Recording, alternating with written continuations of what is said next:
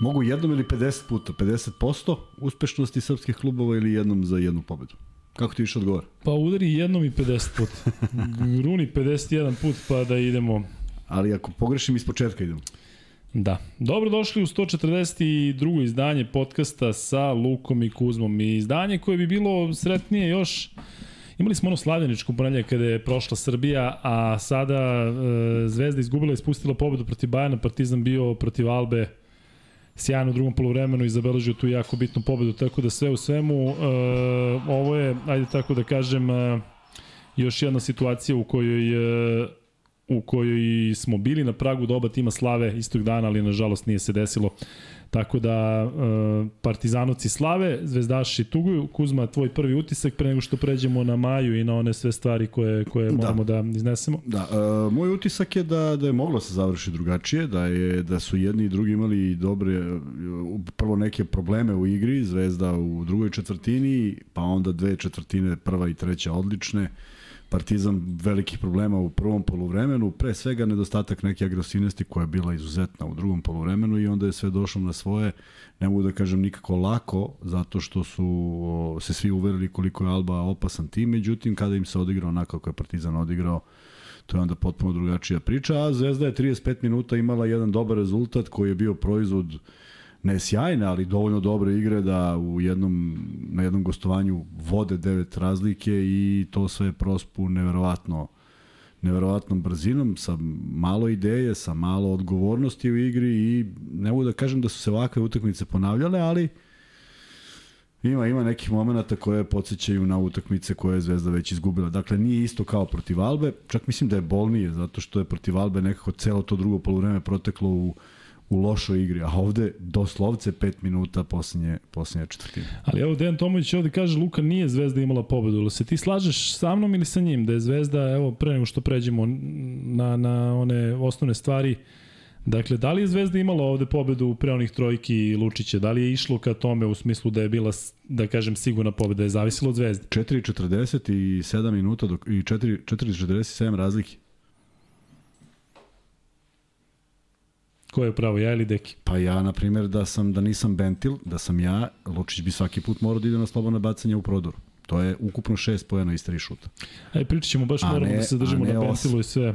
Tako da ima tu mnogih stvari, prema tome to je mora postoji ideja kako se to dobija. Ja ne kažem da je Zvezda bila na kor, koš od pobede, ali da za 4 minuta i 40 sekundi postignete 5 poena, primite 21, takođe nije realno.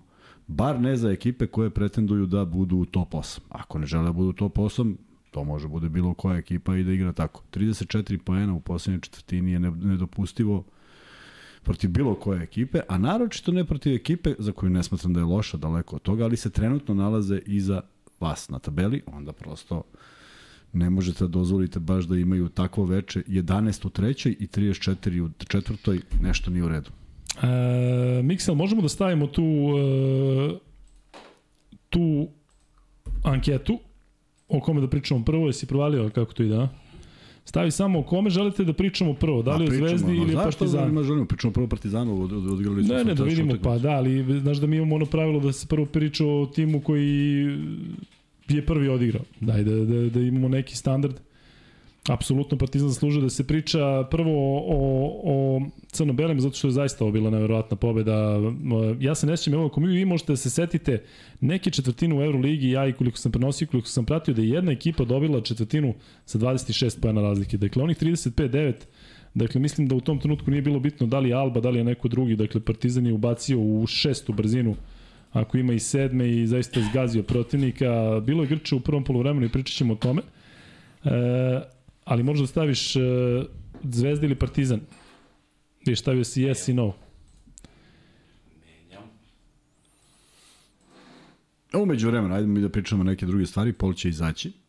Da. Da pričamo da je danas treći dan, treći put kako smo uplatili ona sredstva koja ste poslali za maju, 48.000, naravno svi su to pozdravili na Instagramu, bit će uplata i sutra, nadam se da će sav novac biti slobodan i dostupan, tako da eto, idemo i dalje iz, iz dana u dan i prosto Nenad je više nego zahvalan, prosto ne može čovjek da veruje šta se dešava, a mi smo presrećni što ste vi tako reagovali, jer verujemo da imate poverenje u nas i da ste zato izabrali ovaj način da dajete, ali, ali svaka vam čast što ste uopšte tako, tako nastupili. Tako da, eto, taj novac polako se skuplja tamo. E, Neša je rekao da je Maja sve bolje da je dalje na intenzivnoj nezi, da terapija deluje, pa da se nadamo da će jednog dana biti naš gost ovde.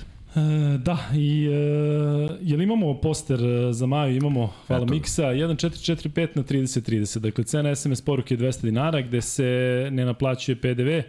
E, imate i dinarski račun, postoji devizni račun, dakle to su te direktne, direktne donacije, vi koji imate PayPal možete preko nas da, da uplatite. Ovo što je Kuzmova e, prebacivao taj novac, ovo je bila treća rata, ali tako Kuzma, 72, pa 48, pa 42, je li tako? E, 72, pa 41, pa 48. Pa 48, da, da to su, e, tu su naravno donacije koje su ljudi uplaćivali preko Paypala, tu je i deo koji smo mi skupili od e, merchandise našeg tako Luka je. i Kuzma, dakle od artikala, a tu je, dakle, ubacili smo i ono što su ljudi uplaćivali u live chatu. Da, tako? ono sve što je uplaćeno u live chatu je uplaćeno u 100% minusu. Tako je, dakle, Nama će stići u nekom momentu, ali potpuno je nevažno, zato što je to vaša želja da te pare legnu i one će tako leći. Tako je, dakle, svi koji su platili 1000 dinara, 100 tako evra, je. 50 evra, sve će to biti, da kažem, u tim originalnim u tim ciframa. originalnim ciframa. Iako vjerojatno znate da, da u odnosu na to što se ovde prikaže i što vidimo, da to u nekoj manjoj varijanti ide. I ima ide neki procenat da, koji ode, ali zaista ali... nije važno, važno je vaša važno namera, da. da, a uvek ćemo pokriti na neki način. Prema tome... I da se zahvalimo svima Kuzma koji e, mimo toga uplaćuju ove SMS poruke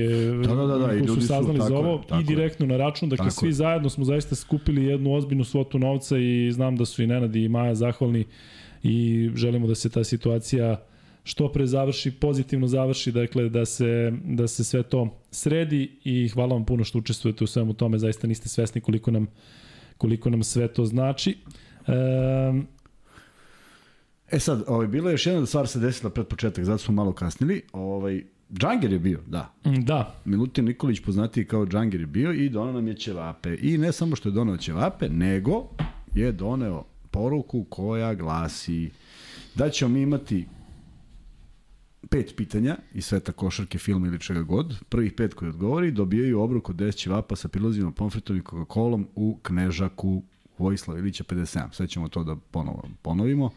Da, nisam znao, ajde, pa, da. ponovi zbog mene još jedan. Dakle, dakle ovako, prvih pet koji budu odgovorili, znači svako odgovori na jedno pitanje, dobija, dobija obrok 10 ćevapa sa prilozima pomfritom i Coca-Cola u Sarajevskom ćevapu Knežak, Vojislava Ilića 57. A to je Džangir tu uglavni, jel? Džangir, to je Džangirov no. drug Žika koji je takođe igrao ovaj, za Oka on je 85. godište, on drži to, njemu se sve dopalo i eto želi da nagradi neke koji gledaju naš podcast. Tako da ko bude odgovorio na ime, onda mi pošaljemo ime i prezime Džangiru. E sad, ko, šta će Džangir da pošalje, da li to mi ne znamo. Da. Šalim se, bit će sve to u redu samo. Ali da postavljena su pitanja ili... Ne, mi ćemo da izaberemo pitanja. Jedno pitanje i prvih pet koji je odgovor. Ne, pet pitanja. Dobro. Pet pitanja, pa pet odgovor. Dobro, pa kad misliš to da radimo? Pa da... radit ćemo u toku ovoga. Možemo i od, od. E, ne znam, ali to je samo za ljude dakle, koji mogu da dođu u Beograd. Dakle, pa da naravno, znamo, pa da. dobro, jeste, Tako ali da, eto nešto... Još jednom da kažemo, dakle imamo i tu novu nagradnu igru koju je Kuzma rekao, pa ćemo eto u hodu da Ba da, iz, da rešamo. Nastalo je tako kako je nastalo u poslednjih 20 minuta, prema tome to je to. Dobro. E, pitaju ovde zašto se ne radujem pobedi Partizana.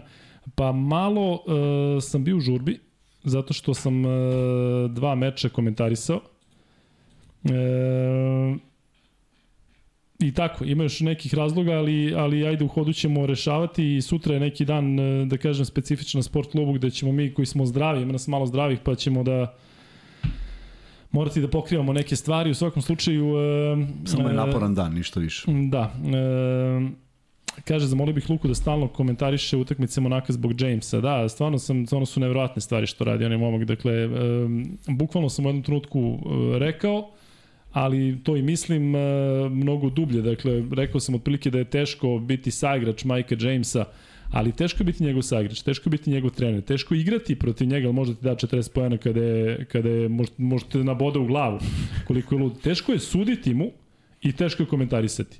Dakle, tog dečka ja ne znam da li je lako, pritom on, ja, mi dalje mi ne objašnjavo, jesi ne znam da si vidio što, Nisam, Šta nisam mogu da vidim sve. Dakle, on ne radi prvi put, vratit ćemo se na taj meč, dakle on uzme ovaj neki ga zagli da ga smiri, on dobije tehničko, ovaj ga ovako samo zagli, on uzme i gurne njega i sve snage. I neverovatno da on je igrač koji je najmanji u ekipi da ne dobije neku dandaru od, od onih većih igrača kada toliko prenosi negativnu energiju na tim. Ali dobro, to je neka druga priča. E, da li treba Makabi izbaciti iz Euroligije? Pa ne treba, što? Ne znam, ne znam na šta misliš, jesu danas bili katastrofalni, ali je dobro. Neto 13.07 je donirao, hvala puno. Diljanje kao na terminu bez odbrana u reketu, posebno u poslednjoj četvrtini. Utakmica otišla u kontru onog momenta kada Lučić ubacio trojku posle odbitka od 5 metara, Ben gleda brat. E, ben gleda brat. Da, jeste, strašno je, nije ni podigao ruku, ono je jedna od onih situacija koje su zaista neobjašnjive, ali eto, pričat ćemo i o tome. E, pričamo Miksa, svemu, da. Možeš da ugasiš ovaj pol, da vidimo šta ljudi kažu, o kome bi da pričamo prvo, da li Zvezda ili Partizan, da li ovo što je svežije, što je završeno nedavno, ili, dakle, o Zvezdi koja je, e, koja je e, izgubila meč kako je izgubila. Kažu Zvezda. prvo Zvezda. Hm? Zvezda prvo. Da, Zvezda 55%, tako da sve u svemu... E, Ili ima onih suzdržani? Nema. Da. da, što hoće, što hoće o nečemu trećem. Nečem da. treći. Miksa je dakle tu sa nama, Miksa se još uči, tako da ovaj, e, u sve to jako brzo ulazi u, u dobar ritam, tako da, da ako vidite da nešto tako je, ovo je snow, dakle sve ćemo brzo ispraviti, javite nam i vi. Ovaj, Miksa, Miksa, navikli ste na njega da gledate ispred kamere, sada je malo iza kamere, tako da ovaj, vidite da, da sve ide, ide svojim tokom. Kuzma, E, ili imaš nešto pre nego što pređemo na Zvezdu i Partizan, nešto što treba da kažemo opšte, dakle radimo na onoj našoj akciji, već je puno, radimo puno na akciji, da, kupljeno. skoro 30 dresova je prošlo, štampamo ih, Velja to radi uredno. Hoćemo da kažemo za ljude koji možda nisu gledali prošli podcast da sad da kažemo čemu se radi. Hoćemo da kažem, ajde još jednom. Dakle, mi ćemo napraviti utakmicu beli crveni, zašto imamo najviše belih i crvenih dresova koje smo otkupili u celokupnom kontingentu koji je preostao, baš iz tih razloga da, da imamo, pošto dolazi leto i i dobri su, vrlo su kvalitetni i fino urađeni i onda smo predložili da svako ko bude želeo da učestvuje u utakmici, a ona će biti negde na otvorenom, na nekom javnom terenu, to ćemo još videti u periodu kada bude bilo lepše vreme, da ćemo napraviti, kažem, dve postave od 10-20 igrača, potpuno nevažno koliko nas bude bilo, više, da, da, više bude. da se zabavljamo, dakle Luka i Ku protiv ekipe Kuzma, i sad bismo to pokrili i kamerama i snimanjem i druženjem i svim tim, tako da ko želi da naruči dres, a imate privilegiju da ovaj dres koji se prodaje po toj ceni, da ga, kada, kada ga uzmete, dobijete oštampano vaše prezime ili šta god želite da piše na njemu sa brojem na leđima. S druge strane, da napomenem da belih ima samo u varijanti XXL, to jeste mali hendikep, dok crvenih još uvek ima u svim veličinama, ali ne zadugo, pošto je crvenih otišlo više nego belih. Tako da, to ide nekim svojim tokom i vrlo je, vrlo je zabavno kako su ljudi reagovali, tako da verujem da će uskoro i dobiti svoje dresove, a verujem da ćemo uskoro imati neku informaciju kada bi to moglo da se desi, ali sigurno ne pre aprila, maja iz prostog razloga što vremenski uslovi nisu ne dozvoljavaju. Aj sačekat ćemo malo da se da se smiri sezona u smislu gledat da se nađe da, da, da, se nađe neki neki prostor da, da, koji je dobro. Tako je, da ne bude sada na dan nečega pa da da da da, da, da, da svakako, ali... svakako nije ne žurimo s tim, a to će sigurno biti samo da pokrijemo sve da bismo napravili od toga jedan zaista lep doživljaj, događaj i da bude zabeleženo pa, kamerama i doživljaj da bude zabeleženo o, na snimcima, da ide utakmica uživo, dakle sve to hoćemo da napravimo da bude što bolje. Da, kao što je Kuzma rekao, želi bi da uvežemo mnogo humanitarnih akcija, da naravno pomognemo i tu Maji, da pomognemo kome god treba, da organizujemo i neke nagradne igre, da dobijete i neke naše stvari, da možda pokrenemo i onu priču koji Jelovca, bit će dosta medija, to je sigurno koji će to ispratiti, pošto smo i mi iz medija. Ali Kuzma, e, pre nego što pređemo na stvar, prvo da kažem da je ID ispao veliki šmeker koji je dao 50 funti i kaže za ovu devojku daj Bože da ozdravi, daj Bože stvarno uh, sjajni ste, pozdrav svim ljubiteljima košake, ID hvala tebi što si ispao veliki šmeker i što si uh, dao zaista veliku donaciju za Maju, hvala i u, u ime naše kolege Nenada uh, koji je njen suprug. Uh, Kuzma, mi smo bili sinoć negde, hoćeš to da kažeš? Red je da kažemo da smo bili. Sinoć smo bili, da, i slušali smo, kao što smo obećali, u, u, u, u jazz klubu Ulica smo bili, opet smo slušali, to jest ja sam drugi put, Luka je došao, došli su naši drugari, došli su njihove supruge i onda je bilo onako dosta ljudi, bio je bukvalno top, takav mu je nik na, na Instagramu. O, i bilo je lepo, bila je dobra muzika i eto, o, i s te strane smo o, pomogli malo da, da taj klub zaživi, zato što je dobra svirka i svakome ko želi da čuje malo nešto drugačije i ne toliko često u Beogradu, Pozivam ga da dođe sredom od 20.30 do 23 časa u jazz klub, ulica, Toplični venac 19a.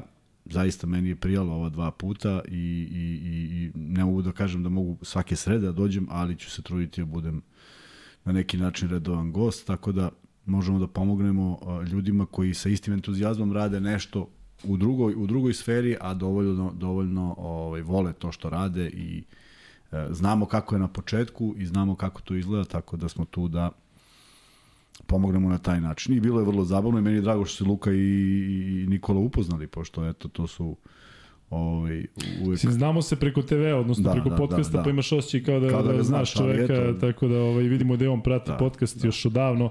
Vidiš da je pominjao i onaj period kada smo držali ono Luka i Kuzma, što znači da je sa nama od početka veliki pozdrav i njemu, zaista je napravio sinu sjajnu atmosferu i vi svi koji hoćete vidjeti kako to izgleda uživo.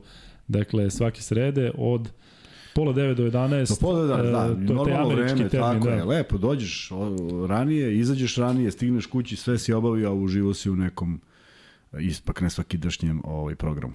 Da. E, imaš nešto? E, da. Ajde. Imam još nešto, obučen sam ovako u ovom sakovu, zato što smo gostovali, ja sam gostovao još jednoj emisiji, pa ovaj, će uskoro biti na TV-u, a ima veze sa Nikolom Demonjom. Smeš da kažeš ti uopšte? ne, otko da znam da ti nešto nestaje. Ne, kako nađe, nađe. Pa da ne javi, bilo bi lepo da ljudi znaju o čemu se zna. Znači, objavit ću ja. Dobro, zagonetni Kuzma kao i obično. Kao i obično. Da, da je Zvezda dobila, verovatno bilo, a, Javi taj, to, taj dan da, će biti to i to. Dobro. Ja sam se, ovaj, e, kažem, žurio sam sa sport kluba. E, što kaže on u onom klipu? Pa žurio sam. Opušteno i prijatno i oslobođeno sam vozio i stigao ovde, ali je sve bilo stani pani, tako da smo malo i kasnili zbog mene. U svakom slučaju sada se ovaj, sve to popravilo, tako da eto, E, ako nemamo ništa drugo, Kuzma, ovde kažu ljudi da prvo pričamo o Zvezdi. Ajde. Zvezda je e, ovim, idemo prvo opšte, pre nego što pređemo na detalje, da, na igrače, da. na četvrtine. Ovim je... Zvezda ovom pobedom zaista sebi zakomplikovala situaciju znači, pobedom, u toj meri. Tom, tom pobedom. Pa ovom pobedom Bajana. Zvezda je ovom pobedom Bajana. to može. E, zaista sebi napravila situaciju iz koje će se teško izaći. Tako je teško, ovo je već druga pobeda protiv ekipa koja su na tabeli, kažem, ne, ne i ovaj, definitivno ne i manje kvalitetne od Zvezde. Druga pobeda. Na tabeli jesu, ovom pobedom, da, nemačkih klubova. E, zakomplikovala situaciju. Ajde da kažemo da matematički još nije gotovo, ali matematika je stvarno nešto što što se ne, ne pojavljuje u sportu toliko Izvini, često. znaš da matematički, to sam video pred početak ovog kola, Olimpijakos koji je bio prvi matematički nije obezbedio play-off, da, a Alba je. matematički nije, nije ispala iz tako, tako, tako da matematika pa, da. je ovde sada tako, relativno onda se ne dešava, da, onda se ne dešava u sportu i bilo je jako teško očekivati neki, neki, neki drugačiji nastup Zvezde u odnosu na onaj poraz protiv Albe, samim tim što se igralo kod kuće, a ovo se igra u gostima, međutim jeste bio drugačiji. To se pre svega videlo u nekim defanzivnim zadacima da je, koliko god da je to bila mala razlika, ona otišla na 7 pojena u prvoj četvrtini i to vrlo zasluženo, pre svega dobrom igrom u odbrani, pre svega činjenicom su naterali igrače Bajana da šutiraju neke jako teške šuteve i jeste, tu je postojao taj Winston koji je možda i više dao, da bi se onda desio taj, taj opet, po ko zna koji put, primljen koš na 7 desetinki do kraja, I onda je Zvezda otišla već u, u, u samoj prvoj četvrtini otišla na, na, na, na, na, na odmor, mini, taj mini odmor sa manjom prednošću nego što je to ovaj, mogla da ostvari. Kad si tu, je to zaista si e, saglasan sa onim što priča Duško Ivanović da nije moguće za 70 tinki da se primi lopta, da e, se spusti, mi se javio, da se Onda mi da se javio dečko koji je to snimio, usporio i kaže da je čist koš. Ja mu verujem, ali nisam video da, da. mi je pokazao, kaže da je čist koš. Ovaj, I moguće da jeste, ne mogu da, da, da pričam o tome. Ne, nije mi logično, zato što su neki koši poništavani na tom principu, ali ako je on primio i okrenuo se i šutnuo, ako to kaže semafor, ja nemam ništa protiv. Mislim, ne, ne, samo je sporno u kom trenutku je pušteno vreme. Pa, dakle, on izbacio loptu na vreme. Tako, dakle, tako, Škoš da. s te da strane da je, ali Duško Ivanović pokazivao kako nije moguće tako. da primiš loptu. Zato ja mislim da, da ne. Da se okreneš za manje od jedne sekunde ali, i da izbaciš. Nije važno šta mislimo sa ovim sudijama i sa ovim sistemom, nema veze šta misliš, prosto ima veze šta, šta oni vide. Uh, ušlo se u jednu klackalicu, Zvezda je završila polovreme prilično dobro kako je izgledala druga četvrtina i onda odjednom ti odigraš pa ne mogu kažem najbolju, ali jednu od boljih defanziva u 8 minuta i jedna ekipa koja igra na domaćem terenu ti postigne dva poena. I dok si rekao keks posle timeouta, to prospeš sve sa dve trojke, sa još jednom dvojkom i sve što si radio u trećoj četvrtini bude ništa. Ali opet si otišao sa prednošću. I opet imaš neki, baš kao i protiv Albe. Treća četvrtina je završena poenom. Poen, poen. Nisi u minusu. Ovde je Zvezda bilo još u većem plusu, a onda na 5-18 eh, Zvezda dolazi do 9 poena. Od tog momenta se apsolutno ništa košarkaški nije desilo na terenu. Ali više izgleda da nije to do e, Kampaca, da nije do Ivanovića, više da je tu Kampaca u odnosu na taj meč protiv Albe. Dakle, u smislu razmišljaš nešto. Tako je. Dakle, ti padovi zvezde koji su postali toliko česti, e, su očigledno nešto što se vuče u tim i nije bitno ko je, kako je, Ja prosto ne je. razumem. Ja ne razumem zato što uh, dobio sam naravno poruke tokom celog toka utakmice i sad imam pitanje za sve, evo, ovo što smo napravili pol. Jel bi stvarno neko želeo da vidi bilo koga drugog u tom trenutku na parketu, od bekovske linije do tog momenta sa njihovim učinkom, osim Nedovića, Vildose i Kampaca. A onda misteriozno izađe Nedović. Tu sad stvarno možemo da diskutujemo gde su Nedović i gde je Petrušev. Pre svega Petrušev, zato što mislim da je gospodin Bentil dobio previše minuta, ni zbog čega, i nemam, nemam mnogo protiv njega. Osim što imam pitanje kad prestaje opcija da ja, kao trener, verujem u jednu ekipu, verujem, verujem, verujem, verujem i onda kažem, ok, sad se ovde radi o nekom mom, nekoj mojoj poziciji, ne otpuštanja, nekoj mojoj poziciji, želim da pobedim, sad ću da okupim šest kojima verujem. I kažeš, sine, sedi, odmori se, ne vredi, pokušali smo sve. Opet je bila utakmica potpuno identična. Kuzmić igrao prvu četvrtinu, pa ga više nema. Da bi se ispostavilo ono što je meni najtragičnije, da je Zvezdu pobedio Gillespie. Ja, ja prosto ne znam šta da da, kažem. postoji neko, da te teže pobedi neko, odnosno da ti teže padne kad ti neko pobedi. Ne, ne. Kad Gillespie dao 8 poena, ja sam u stanju da se, da, ne znam, ne, nemam izraz dovoljno dobar. Jer ni jedan faul na čoveku za kojeg ne znamo kako izvodi slona bacanje. Ne znamo, oni nešto nekih Pa nu- kako je mogu? Pa 0,4%. jel to stvarno treba neko da kaže. I onda se postavlja još jedno vrlo bitno pitanje. E, mnogo puta sam pričao o trenerima s kojima sam radio, koje sam voleo, koje sam poštovao. E, da vam se desi da vam Darko Ruso kaže nemoj neko da je ne znam šta, šta god. To ako se desi, stvarno ideš iz kluba, ne ideš ti na klub. Uopšte ne odeš na klub. On ti samo pokaže da ideš da se obučeš. Slažem se ja da nije vreme za tako nešto.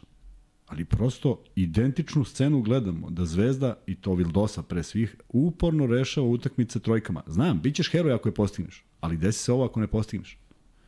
I Dobro, za je, nije drugačija situacija u smislu kada porediš Rusa i Beobanku, to je ipak tim koji se jako brzo i rasformirao, mnogo su drugačiji bili ugovori ovde. Da li je moguće da jedan trener ima takvu e, moć ako- da kaže e, ovo, okay. jel znamo da se da, da verovatno se ne pita samo Okej. on, imaš tu menadžere, imaš ok, onda ako nema, onda gledamo ovo. Nije problem.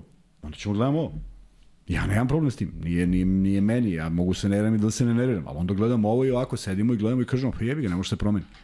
Ne, nateraš čovjeka da ideš na ulaz, on voli da šutira i u igri. Ne može to tako. Ne može da bude u igri. Naročito što kod Ivanovića niko nije bio u igri kad nije uradio i to smo eksplicitno videli u nekoliko navrata. E onda mora bude za sve tako. Da li, vidiš, imamo Sašu Bradovića u Monaku, imamo Duška Ivanovića u Zvezdi.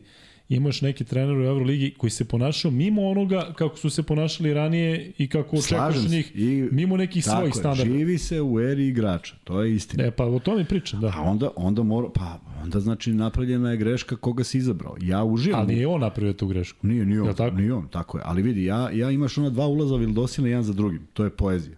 Gde on u jednom momentu Jeste. kad izbacuje loptu do ovaj Gillespie koji se zaleti lupi bananu, on mu izbaci samo malo ranije da, da, da, da mu... Mande je zakači... Ne, da ne, ne, nije ni iskočio. Da. Nije ni uspeo da dođe u poziciju da skoči jer je on, da je išao samo za nijansu sporije, ovaj skače, možda stiže. A onda dve nebuloze od trojke, da bi on, da bi on rešio utakmicu tako. Onda, onda evo, ovaj, sedao sam sa Ilijom Kovačićem i pokušao sam da napravim neku digresiju. Vraćao sam se opet u neke, u neke, ovo sad više nema veze sa trenerom, nema veze sa postavkom. Uh, kažem i ponavljam, imao sam privilegiju da igram sa dobrim igračima. Ako nas je četvorica na parketu koji smo neki koš geteri. Nikada utakmicu nije rešavao peti. Prosto nije. Nikad ga nismo ubacili u poziciju da to uradi. Danas Lazarević dobija jako tešku loptu ispod koša, koju on nije sklon da vrati u koš. Da jeste, bilo bi super, ali nije. Mislim da je nije ni očekivo. Mislim da on sad razmišlja, bolje da nisam ni bio tamo.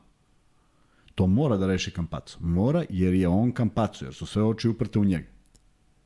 Sve mogu da razumem, sve one promašene trojke za baš, znaš, da ne krzne obruč, sve ostalo mogu da podvedem pod košarku, imao je izuzetnih poteza, imao je izuzetnu energiju ponovo, sve, sve, sve. I onda vrhunac ludila, koji oslikava u stvari način kako se kako je Zvezda poražena, vrhunac je činjenica da je Kampaco zviznuo onu trojku i smanjio na četiri. I otočao na dve sekunde do kraja da napravi faul, jer on ne razmišlja o tome, on žalje želi da pobedi. Da bi se onda Trinkjeri setio da je šest bilo, pa je makar da probamo da bude sedam. I što je najgore, bude sedam. Znači da je on pustio to, niko, Holden Volden ne bi ni išao na koš. Ovako im se otvorila mogućnost da sve što treba da uradiš, da ne ispadneš iz odbrane. Neko je uspeo da ispadne iz odbrane i da promaši loptu. E, Ali bio, to bilo, e, da kažeš, skroz košarkaški od kampaca, znači ajde da probamo ako mogu da je bilo što uradim. Ne, kasno, pa ne možeš dva poseda, ne možeš baš ništa. Sve jedno, ali... Ne, on je išao na tu varijantu, ne, ajde, ajde, da, ajde da probamo. Ali onda je ili neko treba da kaže ili Ali svi su se povukli ostali. Dakle niko nije niko, niko nije bio u kadru. Niko nije bio u kadru. I on pravi faul verovatno na, na iner, po inerciji sad želim. Ali okej, okay, i to je u redu. Ali onda nemoj samo šutne neko trojku baš na način na koji su šutnuli. A ovo nije prva, nego je Lučić šutnuo već jednu, pa je, ne znam, opet se nešto desilo u posljednjim sekundama. Sve je nekako bilo naopako i to oslikava eh, ono, ono moje uverenje, a igrao sam jednu utakmicu u, u takvom da ne govorim ko je, zato što je neprijatno, glupo je. Dakle, nismo znali koliko nam treba minusa. Samo to da kažem. Trener nije znao koliko nam minusa treba. Igrao je sa petorkom koja ne može da pobedi. I onda je shvatio da nam treba ozbiljno veliki minus, a mi smo izgubili više od toga. Mislim, da li možeš zamisliš? Da, priča si o toj utakmici toliko puta što sad ne smiješ da kažeš. Kad sam pričao, stvarno? Francuskoj? Ne, ne, ne, ne, ne. A ne, ne, ne, ne, ne, ne, ne, ne, imali smo, imali smo mogućnost da izgubimo minut do 13. Ali naš trener ne zna. Kako, ne zna, nije ni važno. Mi izgubimo 15. Ej, da izgubiš 13, pa to, to, to, to, to lud možda uredi. Jer on to nije znao. E, hoću da kažem, da bi nešto se sklopile neke kockice, to mora da budu da budu, da se zna, da pa, pa, pa. Ja razumem da ovaj čovjek otputovao obišao svet za dva dana. Dobro, Kuzmal, to je pola rečenice. Dobili smo ovde šest. No, niko više nije to gledao. Zašto treba? Za koji krug? Krug čega? Krug pakla. Pa ne, ne, ali sve pa jedno, znaš. Taj, Ma, on da nije, obiš, da nije obišao pola sveta da je ostao tu, ba, to opet se svodi zna. da neko kaže, e, momci, ajde da opratimo pažnju nekoliko stvari. Ovo, sve ovo, stoji, ovo i ovo. Sve stoji. Gillespie stavite na liniju penala, e, e, to su, šest, e, to su, e, to, e, sad, ja stvarno želim da, ne mogu da prosto verujem da to Ivanović nije rekao. Ja ne mogu da verujem da je on rekao samo vi bomba i bacajte bombe i neka ide to. Ja ne mogu da, ja, ja vidim reakciju, govor tela Nedovića kad izlazi iz igre. Nije zadovoljan. Nije ni ja zadovoljan, apsolutno. Da, ali on, čini mi se da dobro funkcioniše sa Vildosom i sa Kampacom. Vidio si da je prva trojka Kampaca bila da je Nedović odabrao da Kampacu da loptu, ako mogu onda šutni. Onda mu je da dao još jednu ili dve lopte mu je dao da je bio u onoj Nedovićevskoj poziciji. I, znači, očigledno da između njih nema, neki, nema, nema nekog problema. I Nedovićev jedini promašaj, jedini promašaj koji je šteta što nije ušlo je onaj kad je jako šutnuo u tablu. Ali to je jedini ulaz koji je Zvezda napravila u tom periodu. Tako da ne može ni tomu zameriš. I bio onaj Kampacov koji je promašio s desne strane.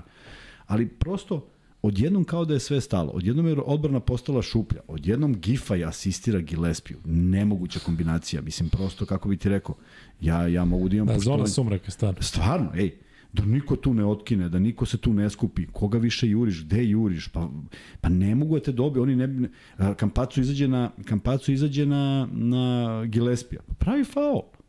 Vildoza izađe na, na, na, na hotela Huntera za malo da Kampacu napravi nameran faul. Mora napraviš faul.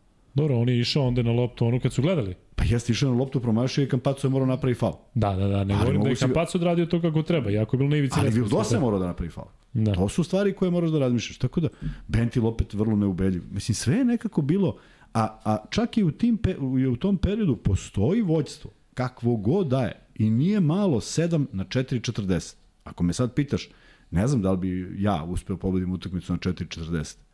Ali sam ubeđen da ne bih primio koš. Ne bi ga primio 100%. Pa dobro, onda bi dobio. Ne, ne, koš kao iz igre. Znači, to bi bilo... Samo bi menjao. Znaš koliko me briga ko je na parketu? Samo bi menjao. Pa, pa, pa. E, Omar Gabriel Batistuta kaže pozdrav svima, donira i kaže jedno kratko pitanje, da li je stigao paket iz Zemuna? Ovde nije. E, ne znam, ali stiglo nešto u studiju u stvari. Niko nam nije ništa rekao. Možda da, jeste. Su ga pojeli možda? Šta da. si poslao, Gabriel? E, piši Batistuta o čemu se radi da znamo. Prase? Da. da. E, bila je još jedna donacija koju je uplatio, sada ćemo vidjeti ko, i da ovde brzo chat. E, Ivan Ivanović kaže, meni ovo sad liči pomalo kao da smo Makabi, neko mi delo da smo puni kvaliteta koji nikako kao ekipa ne možemo da pokažemo, realno ne valja. Da, pa dobro, Makabi e, kod kuće igra, da kažem, ajde, standardno, konstantno, ali na strani zna da, da zabaguje. Izvinjavam se, još jedna donacija je bila, ali ne mogu da im gde je. Jedna od Soma, nego negde mi je promakla. Da, i sad neću moći da pozdravim čovjeka koji je donirao. Eto ti. Šta ti je život? E, izvinjavam se, zaista vidio sam da je bila još jedna donacija e, i da je bilo za Maju ali ovaj Kuzma ima dobra stvar, ima dobra pa... stvar na tom YouTubeu kad kliknete jedno dugme izađe vam sve te tako da ne moramo da ih tražimo, da, ali ćemo ih pronaći. E da, da, da obično volim da se zahvalim ovakvim e, situacijama tako je, tako ali da... ćemo u ponedeljak da se zahvalimo svim onima koji su donirali i preko PayPala i preko ovoga. Tako da sam ja sve zapisao, izvukao sam sva imena. Kuzma ima note, verovali ili ne. Nisam da, znao da, da on ništa zapisuje, mislim da sve drži u glavi. Pojavio se pre neki dan, nešto smo seli i on tap tap pa piše, pa ovo, pa ono. Da, E, dobro. Luka, možda prvo komentariš šta se dešava sa Nanelijem. Da, stićemo do Partizana, tako da e, bez brige. Milan Jeftić, sam rekao da je on donirao. Mislim da, da nisam rekao. E, Milan Jeftić je donirao, možda sam i njega propustio, ali dobro. E, Kuzma je u elementu u smislu priča ovako emotivno o zvezdi, pa onda ne može ne, da se ne, naš, naš, naš iz kog aspekta pričam. Neko me zamolio danas jedan od naših gledalaca i kaže nešto Ivanović, trener, ja, ja kažem ne mogu pričam trenerski, on kaže možeš iz ugla igrača, može. Ja imam zaista taj osjećaj da kažem da je ovo bilo neodgovorno. Ne znam, ne znam, čak ne znam da li postoji neki teži, iskreno meni ne postoji teži izraz. Zato što uh, nikada nisam vodio računa koliko neki moj saigrač ili konkurent ili u nekom drugom klubu dobija novca niti bilo šta. Znam koliko je to naporan posao, znam kad se opredelimo za ovo da smo ozbiljno posvećeni tome, znamo da rizikujemo mnogo, znamo da neki, neki od nas zarade ovoliko, neki onoliko, neki malo, neki možda i previše. U svakom slučaju nikada to nisam delio na taj način. Ali ovaj nivo Evrolige, ja očekujem da to budu obučeni igrači i da ne gledamo ovo. Sad govorim zaista iz, iz, iz sa aspekta igrača. Mene, ja, ja ne znam, ja koji sam vrlo miran, koji sam imao dobre saigrače i koji nisam imao prilike da reagujem ovako, a jesam u nekoliko navrata, ja ne znam kako bih dočekao timeout. Apropo Teodosićevog timeouta kad je ono ispričao šta je ispričao. Prosto ne može ovako da se igra.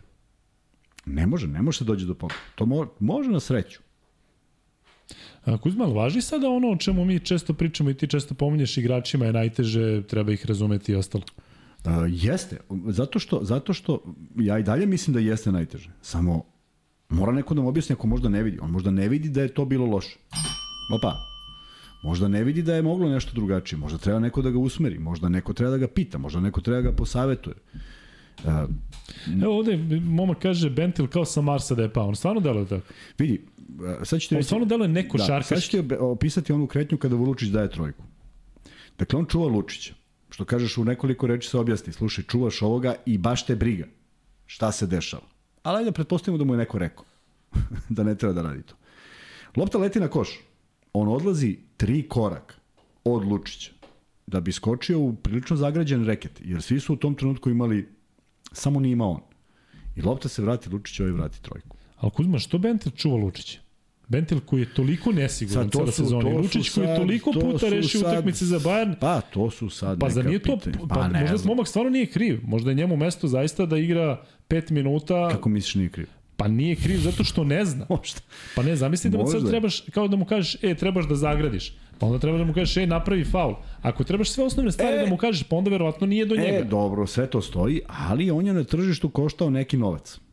I... Ne, na to se vraćamo, da, to, to i hoću da... da, Tako da, je, to i jeste problem. Ali čekaj, kad si ga već kupio i ne ide, Pa šta je onda poenta da igra po, po ovoliko minuta? Zašto Holland onda ne igra 20 pa baš, minuta? Baš, baš zato što i on, da, on nešto imaš, imaš, neku, imaš neku logiku, ne možeš da platiš nekog da bi sedao na klupi. Ne može ni to. Neko će te pita, neko normalan bi pitao, jeli, a što smo ga kupili? Pa da, ali Holland, isto, Holland je isto tako došao kao potpuno, neko ko vredi. Potpuno. Adams isto došao pa otišao. Pa ne, zašto, za, ne razumem zašto jedini Bentil je neko ko ne ispunjava očekivanja. A, ovaj, ovaj, ovaj dobio otkaz, ne, ovaj, ovaj je ostavljen iz kluba. Ne, ne, ne, ovaj ne ispunjava samo zašto nije u igri. Inače ne bi ispunjavao ni on. Ko mi to ne vidimo? Pa Holland. Pa da, ali svi su pa ne odstranjeni. Pa znamo, ne mogu pričamo o Holandu. Da, tako svi su, je, tako Svi više nisu je, pretnja tako je, za zvezdanu tako igru. Je, tako je. On jeste. Jeste. Ja razmišljam drugačije. Ko, koja je alternativa za njega? Ko igra na Bentilovoj poziciji da kažeš sada... Nikoja, nema alternative. Znači možeš da menjaš petorku. Ne menjaš da... ništa, samo kažeš ginemo sad svi zajedno, pošto nam fali jedan, sad ćemo da poginemo. I poginuću sa onim kojima sam ja izabrao. Imali smo periode u karijerama kada sa trenerom gineš ili si pobednik, I opet kažem, privilegija da sam igrao sa inteligentnim ljudima i verovali smo trenerima s kojima smo radili i ginuli smo za njih. I u mah, u većini slučajeva pobeđivali. To što smo morali da pobedimo. Tako da, ovde mi ne deluje da, sad mi je došlo do toga da, da ja prosto ne mogu da zamislim kako reaguje neko ko je danas odradio strahovit posao, mada i teško da mogu da kažem da ima baš mnogo igrača koji su dali više nego što je očekivano. Ali, ali kako gleda na te neke stvari, ne znam, ne znam, ne znam, ne znam. Mi smo se, mi smo se suočavali, mi smo pričali, mi smo gledali jedan drugog u oči i pitali ili može. A koliko sam ti puta rekao da smo mi čekali da se igrač vrati u formu? A nismo čekali godinu dana, nismo čekali beskonačno. Kad shvatiš da više ne može, Kuzma, jel Bentil može da se vrati u formu? Ne mislim da može. Pa ne, znači šta o čemu pričamo? Da, ne znam o čemu pričamo. Čekamo, ja, tog dečka ja, čekamo, ne znamo šta tako čekamo. Je, ja i mislim, a to sam rekao pre tri utakmice, da je vreme probe i šanse prošlo. Da je ovo treba da bude fokus i kažeš, ja, trener, smatram da je ovaj Filip Petrušin neviđen potencijal. Lakše mi je da istrpim sve njegove greške, kojih će biti, jer mora da bude, jer ima toliko godina, ali da idemo zajedno. I igramo sa sedam igrača. Tako bi ja. Ne znam da li je fizički moguće. Ali da, ali opet u pravu si, znaš, neko je tog doveo igrača za pare, pa ako e, ti staviš taj, na klupu, onda će tako, neko da kaže, pa što onda ovaj, pa će to pita. napraviti neku, neki, neki problem. Ali Sigurno ja pravi da... problem, zato što kad se tu pogreši, a pogrešilo se, niko nije znao da se pogrešilo, niko nije mislio da je Bentil takav igrač. Druga stvar, igrao je potpuno drugačiju igru, njemu je potpuno promenjena igra njemu je promenena igra u skladu sa onim što njegov trener misli da on treba da radi. I to je potpuno legitimno. I ja verujem da oni provode na treningu ozbiljno vreme da on to radi. I on to možda na treningu radi uspešnije, ali na utakmici to izgleda skandalozno. Protiv nižeg igrača, onaj, onaj šut protiv DJ Silija, kad ga je okrenuo, pa promašio sa, sa polu horom, pa šta ćeš bolje? Koja je, koja je, koja je verovatnoća da daš koš iz koje blizine? Još bliže? Pa nema bliže. Um, kažu da je Nemanja donirao za Maju, hvala Nemanja. Um, Luka, ti Kuzma pokazao dresove, nadam se da jeste, želo bih i tvoje mišljenje da čujem, ima za svakog po nešto. A, nije, sinoć sam ti pokazao, sam ti pokazao, ili samo već, nisi, nisi još došao, izvinjavam se. Ima, ima, ima. Luka, ima, ja sam pokaži. ovde totalno van. Ne, Luka, Luka bilo. sinoć smo sedeli u ulici i došao je Velja i Velji sam pokazao i onda je 10 minuta kasnije stigao Luka i onda sam permuto o kome sam pokazao, tako da samo ne, zato pojma Luka o čemu se radi, da li su dresovi neki NBA i da li su ovo... Fenomenalni su. Tako da Kuzma sve Luka to drži. Luka je dizajnirao, dizajnirao dresove koje je predložio da koristimo u našim utakmicama, ali pošto smo se mi ovaj, opredelili bili za ovo što imamo, onda je on napravio kako bi mogli da izgledaju i evo stvarno pogledaj kako izgledaju, prelepo. Eto vidiš Luka da nisi rekao, to bi pa, bilo... Pa setio bi se sutra. Da, fenomenalno je, da. Stvarno je dobro. Eto. Moramo da vidimo Izvini, da, li, Luka. da li se ovo još možemo da stavimo, moramo da se konsultujemo sa našim ovim sponzorima, ali delo je fenomenalno i hvala ti zato što delo je da si se baš potrudio. Da, da, da. da. Tako da imenjače, ti si jedan od mnogih koji zaista pokušavaju na taj neki umetnički način da doprinesu još dodatno ovom podcastu i hvala vam svima koji ste učestvovali od samog početka, toliko je vas koji ste nam i dali neke ideje i radili klipove, slali, zaista, kažem, mnogo, mnogo nekih zanimljivih stvari. E, Kuzma, pitaju ovde mene, ali ajde ti možda da prokomentarišeš ovo. Da li možeš da prokomentarišeš situaciju na kraju meča kad se Lučić baca po loptu na centru i baca se Nedović ide preko pola, a sudija ništa? Da li je preko pola ili ne? Ja ne znam za to pravilo. Ono, ono u mom vremenu je preko pola, ali sad tu ima ta ta, ta dodatna kategorija da li je posed lopte. Nedović nema posed kada prelazi pola, a činjenica je da je on zgrabio loptu. Da me ubiješ, gledao sam snimak nekoliko puta. Da li je prvo se okliznuo pa pao na pola kada je dohvatio loptu ili je dohvatio loptu pa kliznuo, u svakom slučaju nemam, nemam. To je u mom vremenu preko pola. Ali šta sudije gledaju, zaista ne znam. Kuzma, ti taman dok sad ćeš tu nešto da gledaš, ima ja poruku za crnog grobara. Ajde. Crni, vidi, ja tebe mnogo cenim, zaista, zato što vidim e, kako navijaš, da si pravi onaj, dakle, ja bih volao da sam ja isti takav, ali u tebi vidim pravi primer navijača. Dakle, sve zaista fantastično poznaješ. I e, vidim da opet reaguješ emotivno, to je najbolja kombinacija. Tako da sve u svemu, volao bih da se pojaviš na ovoj utakmici, zato što ne znamo ni da li si bot, da li si robot, da li si ovo, dakle, bilo bi lepo da se pojaviš, da se upoznamo, zato što zaista cenim tvoje mišljenje i da si veliki šmeker, pokazao si i sada, zato što si e, čestitao na ovom ostanku Euroligije na sport klubu. E, ja sam u jednom trenutku, u nekoliko u stvari navrata sam upadao tako u vatru kada vidim neki komentar, posebno kada se tiče Kuzme ili slično e, kada je nešto negativno, ali odlučio sam više to da ne radim i dakle da, da jednostavno čak ni ne komentarišem, često ni ne vidim ako je nešto negativno, ali bilo je dosta vas to nije jedna osoba, nisu dve, nije pet, nego deset osoba koje su ovde, moram priznati, mene natrali na onako na razmišljanje, zato što ste uh, pisali kako se mi pravimo ludi, kako smo foliranti, zato što znamo da je Euroliga prešla na arenu, a kao ne pravimo se da ne znamo. I volio bih sada da se javite, da vidimo šta imate sada da, da kažete. Da se izvinite. Ne, ne morate, samo da vidimo, da, da, da vidimo isto se javite, dakle, kao što ste se javili tako, reci, rekli ste, kao što neko kaže ovde, pogrešio sam, hiljadu puta svi pogrešimo. A to su bile baš onako kao kako vas nije sramota, kao prešlo je na arenu, a vi se pravite ludi, ja kažem, pa sećam da sam jednom rekao, pa ne znam, ja znam u kom pravcu ide, znam da se nešto dešava, ali eto, vi možda znate, kao ne, već je objavljeno. A šta pa misle ljudi da mi sad... radimo na sport klubu? Pa ne samo to. Ne, ali šta nije... misle? Šta misle da mi radimo? Pa dobro, ali verovatno misle da smo tamo pa da saznamo. Ako pa, neko ja, sazna ja, iz prve ruke, samo, saznamo ja idem samo na Euroligu. Ti ideš samo kada radiš prenose. Pa da, ali ja radim prenose po 16 sati. Slažem se, ali ti si u kabini. Ti Jeste, nisi u redakciji, ali, ali ti smo, nisi ali deo... smo tu sa ljudima koji se ipak to uključeni. Se, ne, ali kažem, ne odlučujemo ništa, možeš pričati ne odlučujemo mi ništa, hoće. nego samo, znaš, ovdje je bilo kao da smo mi mentoli koji nismo kao shvatili da je Euroliga otišla na arenu. I evo sada stigne E, svi ste videli zvanično da je Euroliga još pet godina na sport klubu, tako da ovaj, e, prosto, je, prosto je nevjerovatno da ste mene uspeli da navučete kao jedan, drugi, treći, kao da, objavljeno je. Javio je ovaj, ovaj se pohvalio, ovaj rekao, izašao intervju. Čekajte bre ljudi, pa mi to izbegavamo ovde da, znate kada dođe ono kao, ne znam, Pera Perić dolazi u Partizan ili Zvezdu, mi izbegamo to da, da komentarišemo zato što nije sigurno. Je, mi, mi volimo da, da ono, da razmišljamo kako bi izgledao takav neki igrač u nekom timu. Dakle, da se time bavimo, ne sad mi kao da, da, da pravimo neke fore. E, Kuzma je kralj, Luka takođe, ljudi koji vas negativno komentariše su došli, ne, ne, ne, ne, ne, ne, ne govorimo negativno komentarisanju, nego ovdje ispalo kao da mi krijemo neku da, informaciju, da, da. uopšte nije, nego samo je bilo ono.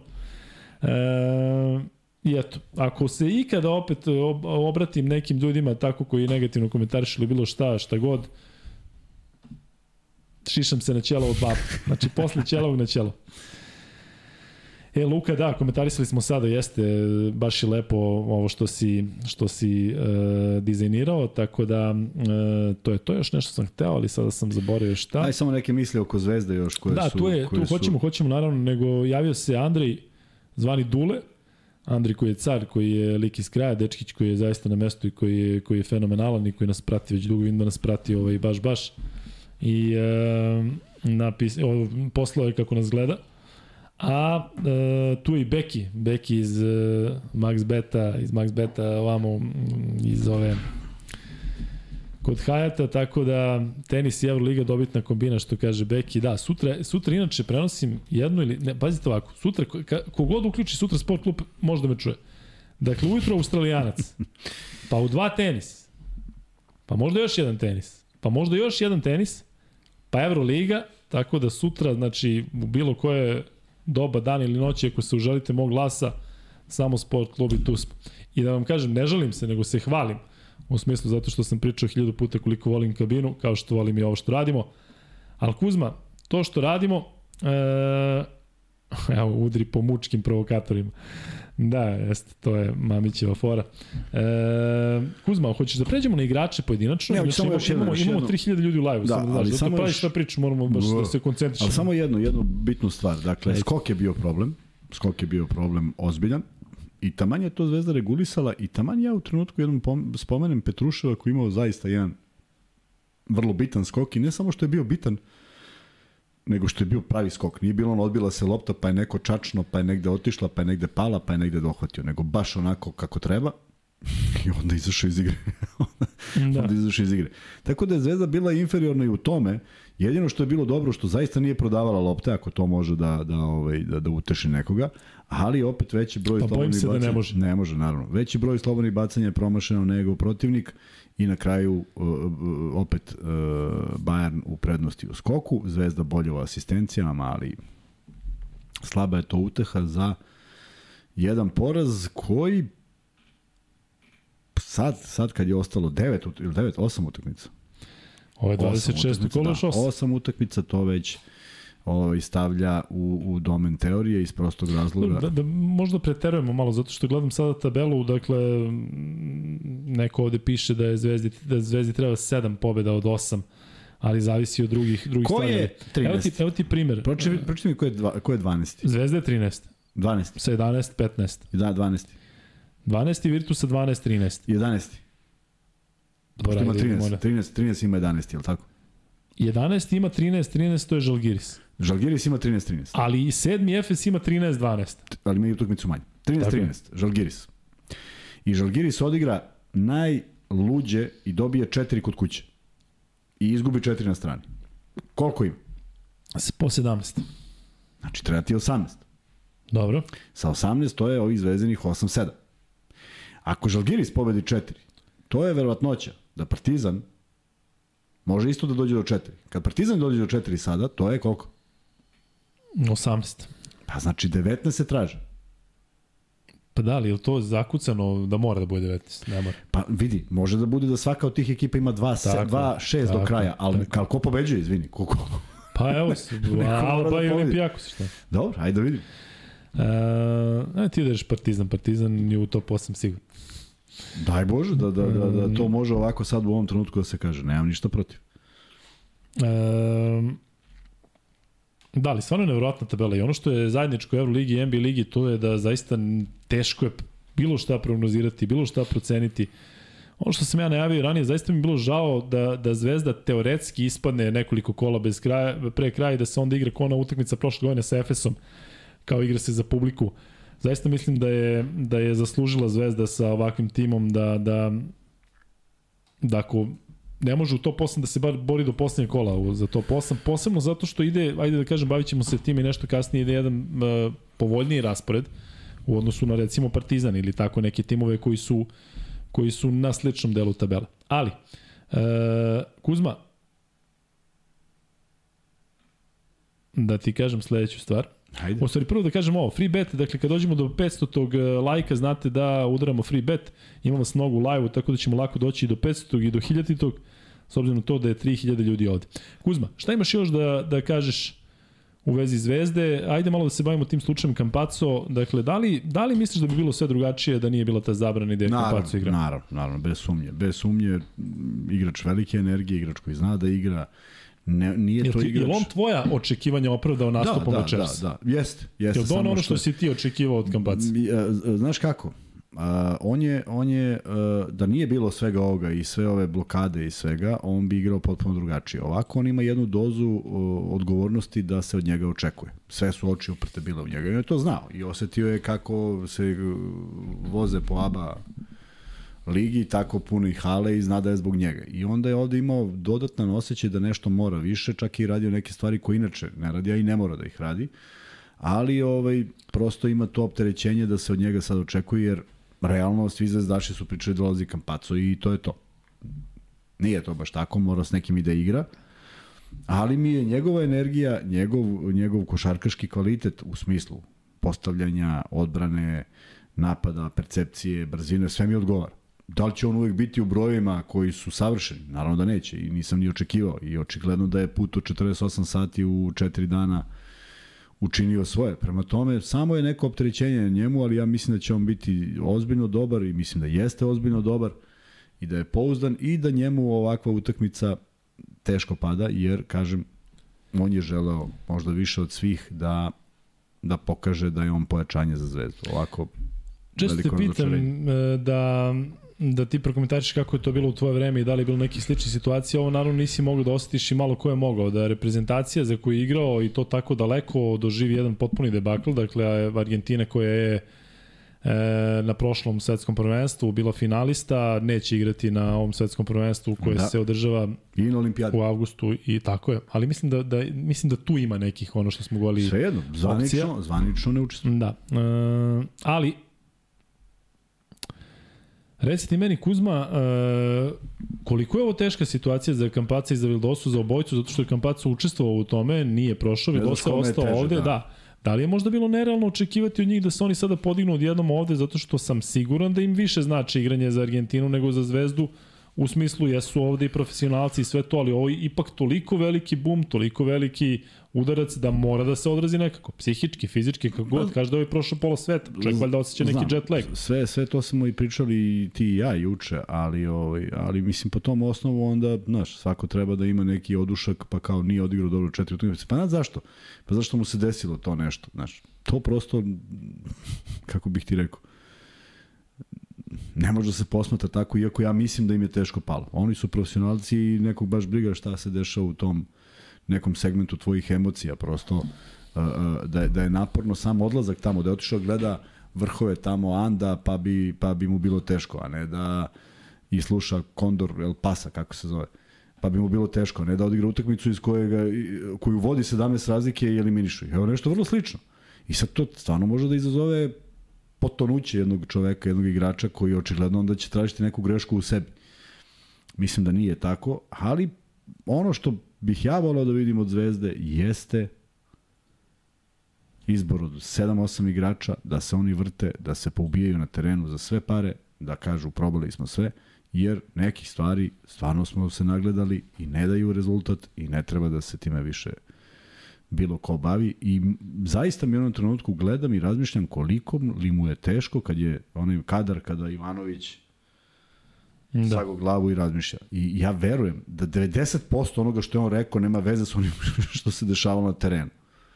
E, to je ogr... najveća razlika je ta, što mi to nismo smogli sebi da dozvolimo. Prosto, nisi na terenu. I to je to. A ovde vidiš kako vidiš mu reakciju, vidiš njegovo sve i sve se dešava i sve se sve svaki napad, ne možeš nemaš ti 250 time outa i da prekineš svaki put. I svaki napad sve gore i gore. E ja mislim da tu samo dođe do nekih pogrešnih izbora, bar po mom mišljenju, ali ovaj, možda je on video neko rešenje. Možda on vidi neko rešenje u tome da Kuzmić igra 3 minuta. Ja, ja, ja ne znam šta, ja ne mogu da kažem šta je bilo kad je bilo, ali nekako mi se čini da da bi možda ovaj Gillespie možda i dobio neki faul. Možda bi ga Kuzmić zapalio u ruku u momentu zakucavanja, pa bi ovaj morao jadan na slovo na bacanje. Sve nekako ispalo loše i nije prvi put, a za takvu neku za takve neke, neku utakmicu mora postoji fenomenalan odnos unutar, unutar ekipe, da bukvalno trči. To je Zvezda imala. Šta je tu, do, do čega je to došlo? Nije mi jasno. Znaš, Ili ima naš, nešto ja sad, na što ja sad, ciljaš? Na što ne, ne, da ciljaš? ja samo vidim da je, da je tvoj čovek sad slobodan, jer si ti ispao iz odbrane, ja činim sve, ali apsolutno sve. Faul, faul. Pa to je još gore, Kuzma, kada ne možemo ni da, da naslutimo koji je problem. U smislu, vi, ja u ovom Monaku nisam ja mnogo pametan, niti bilo šta vidim, ali ti vidiš da je problem u Michael Jamesu. I yes. ti vidiš da se on ne vraća u odbranu yes. i da psuje sudije i da odmahuje rukom e, e, i da gura sagra. E sad pogledaj. I onda ti uzmeš njega ili prepoloviš na pola ili, ili, ili to trpiš. A ovde Ajde da kažem, jel gore ajde da tako da znaš gde je problem ili da sad ne znaš? Jednostavno ekipa tone pa. u nekom trenutku, a ti ne znaš šta vidi, da radiš. Vidi, a, argument koji će ti neko dati kontraargument, kaže, znaš, taj James je od ove, ove sezone, os, od, od 12 utakmica 8 dobio on nekim posljednjim šutem. Niko neće ući u to zašto je došlo da je poslednji šut odlučio, moglo je bude i 15 razlike da je bilo nešto drugačije, nego će samo to konstatovati. I onda ti je on match winner. Znaš, nije baš tako, nije, nije, nije ni crno, nije ni belo, ali ja Ovde kao uzrok mogu da postavim samo pitanje i, i evo, prvi put ga postavljam, gde je Nedović na kraju? Bez obzira na sve. I gde je mi Pitaju gde je jasno. Dobrić. Da je Dobrić trebalo da ima veću Vidi, minutažu. Dobrić kad otvori utakmicu i ode na levi ulaz i ne pogodi obruč, meni se sloši momentalno. Otišao da uzmem čokoladicu da podignem šećer. Ne mogu, ja ne... Otišao? Pa nisam. imao, sam, imao sam je kod sebe za svaki slučaj. Ja sam mišljao da li da idem u jednu trenutku zbog Jamesa preko da te možda Ne, ne, sretnem. Imao sam, imao sam čokoladicu kod sebe. Ali to je nedopustivo. Ja, ja, evo, majke, mi, levo, promašio sam kogo, kogo hoćeš, možda sam promašio i tablu. Ali desno, nisam nikad promašio obruč. Ne, mogu- kako mogu promašim obruč desno? Pa uvek ću da izbacim makar tako da zvizne u taj obruč. E, i onda, i onda on nije bio svoj. I u napadu, i tražio teško. I pogledaj, otvara se utakmica na njega. I teško izlazi iz bloka jednom, drugi put, treći put, četvrti put. Sve to ide jako kilavo do one trojke. U stvari jedine trojke koje je pogodio kad je bio potpuno sam. E sad, možda je pitanje, zašto se ne pravi akcija da Dobrić bude sam? Dakle, isto to uradiš što si uradio, isto to. Do sutra, do god on pogađa. Što? Zvezda izgleda kao da hoće da pokaže zna 28 akcija. Tako mi deluju. Svaki put je nešto novo. A u stvari treba bude ono što daje, što daje rezultat. Tako da ne bih mogao da se zakunem da bi, da bi veliki broj ljudi voleo da vidi u završnici utakmice umesto Kampaco, Vildosa, Nedović da vidi Dobrića ili bilo koga drugog. Nije bio u elementu. Ja ga volim, ali nije bio u elementu. A ja hoću da pobedim utakmicu. Pritom, racio Nedovića se vide u onoj kontri 3 na 1 gde on u trenutku kad vidi Martina i Kampaca ne baca Martinu, što je možda u, u, u nekoj motorici Martina i ne bi bio ni problem, nego još ispravnije, jer su u punom trku baca ovome Kampacu koji postiže trojku. Prema tome, bilo je tu dobrih stvari, ali sve je to stalo na 5.18, pa na 4.40, jer 4.40 je dalje 7 razlike. I od tog momenta 5 poena, teške muke neke, ničim izazvano, nije to bilo ni spektakularna odbrana koliko je izbor tih šuteva bio i nije se išlo ispod koša, iako su svi u bonusu i sad ljudi na lajci, ja sigurno verujem da nisu čak ni pojedini ni rekre- rekreativci. Pa što nismo išli na faul? I sad nemaš Ti odgovor. si ih naučio, gledaj ljudi, sad svi znaju da trebaš uvijek da ideš na faul u košarci. Uvijek ideš na faul. uvijek- Vodio uvijek 30, ideš. gubio naravno, 30, uvijek naravno. ideš na Kako faul će neko? Ka, znaš kada bi, ja, ja tvrdim, evo, evo, evo, odigrat ćemo četvrtinu crveni beli. Ja ću reći da moji, kad god pređete pola, fauliraju. Neće doći 15 ljudi bre ukupno. Šta pusti. neće? Pa ako dolaze da prave faulove. Slušajte me sada, ozbiljno. Jede čovjek. Dakle ovako, kad budete igrali 5 na 5, kako Lukini pređu, vi faul. Svi u moju ekipu Slušaj, igraju. i oni izvode loše slobodno bacanje. I oni će dati 5 od 10. Pa ne može da izgubimo utakmicu.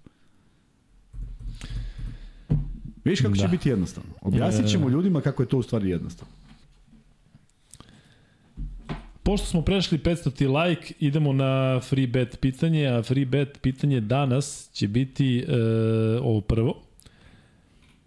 E, kako izgledao, pričat ćemo o tome, e, dakle, kako izgledao zvezdni šut za 3 poena, koliko od koliko. Dakle, stavite te dve cifre i ko prvi odgovori u live chatu dobit će dobit će prvi free bet u iznosi od 1000 dinara, a znate kako to ide, dakle, ko osvoji šalje maxbet ID na uh, lukekuzma.gmail.com Evo ga, Marko Topalović top kaže, ja ću da igram kod Luke. Pa normalno bre, tope, tope, ti znaš šta je. Simke, 1031, Simke, šalješ... e, Pa znaš na- kako će da te ovi moji krljaju, tope, razmisli. Nema, nema, neće niko igrati za Kuzmu. Kuzma će dovesti Lazića preko veze i možda Jagodić Kuriđa ako bude tu i onda ćemo da napravimo taktiku za njih. E, 1031 je tačno, dakle, e, Simke, e, Simke Slava, tako Kuzma? Hm? Ti poznato to Simke, Slavo MaxBet ID. Ali svejedno, Simke, Yes, yes, Luka Simke, i yes, Kuzma yes, gmail.com. E, Kuzma, ajde sada bez zezanja, mi se često zezamo na, na račun Lazića, ali reci mi, kada si čuo da neće igrati, danas tokom dana izašlo to. Šta si stvarno pomislio i da li se to ostvarilo, uh, to, da li ti je falio u nekom trenutku baš Falio mi, toga? falio mi, falio mi. To bi bila, to bi bila uh, osam bacanja uh, Lučića. Garantujem. Osam bacanja bi čovjek dao umesto tri trojke i dvojke. Garantujem. Bez razmišljanja. Ne bi mnogo razmišljao. Da.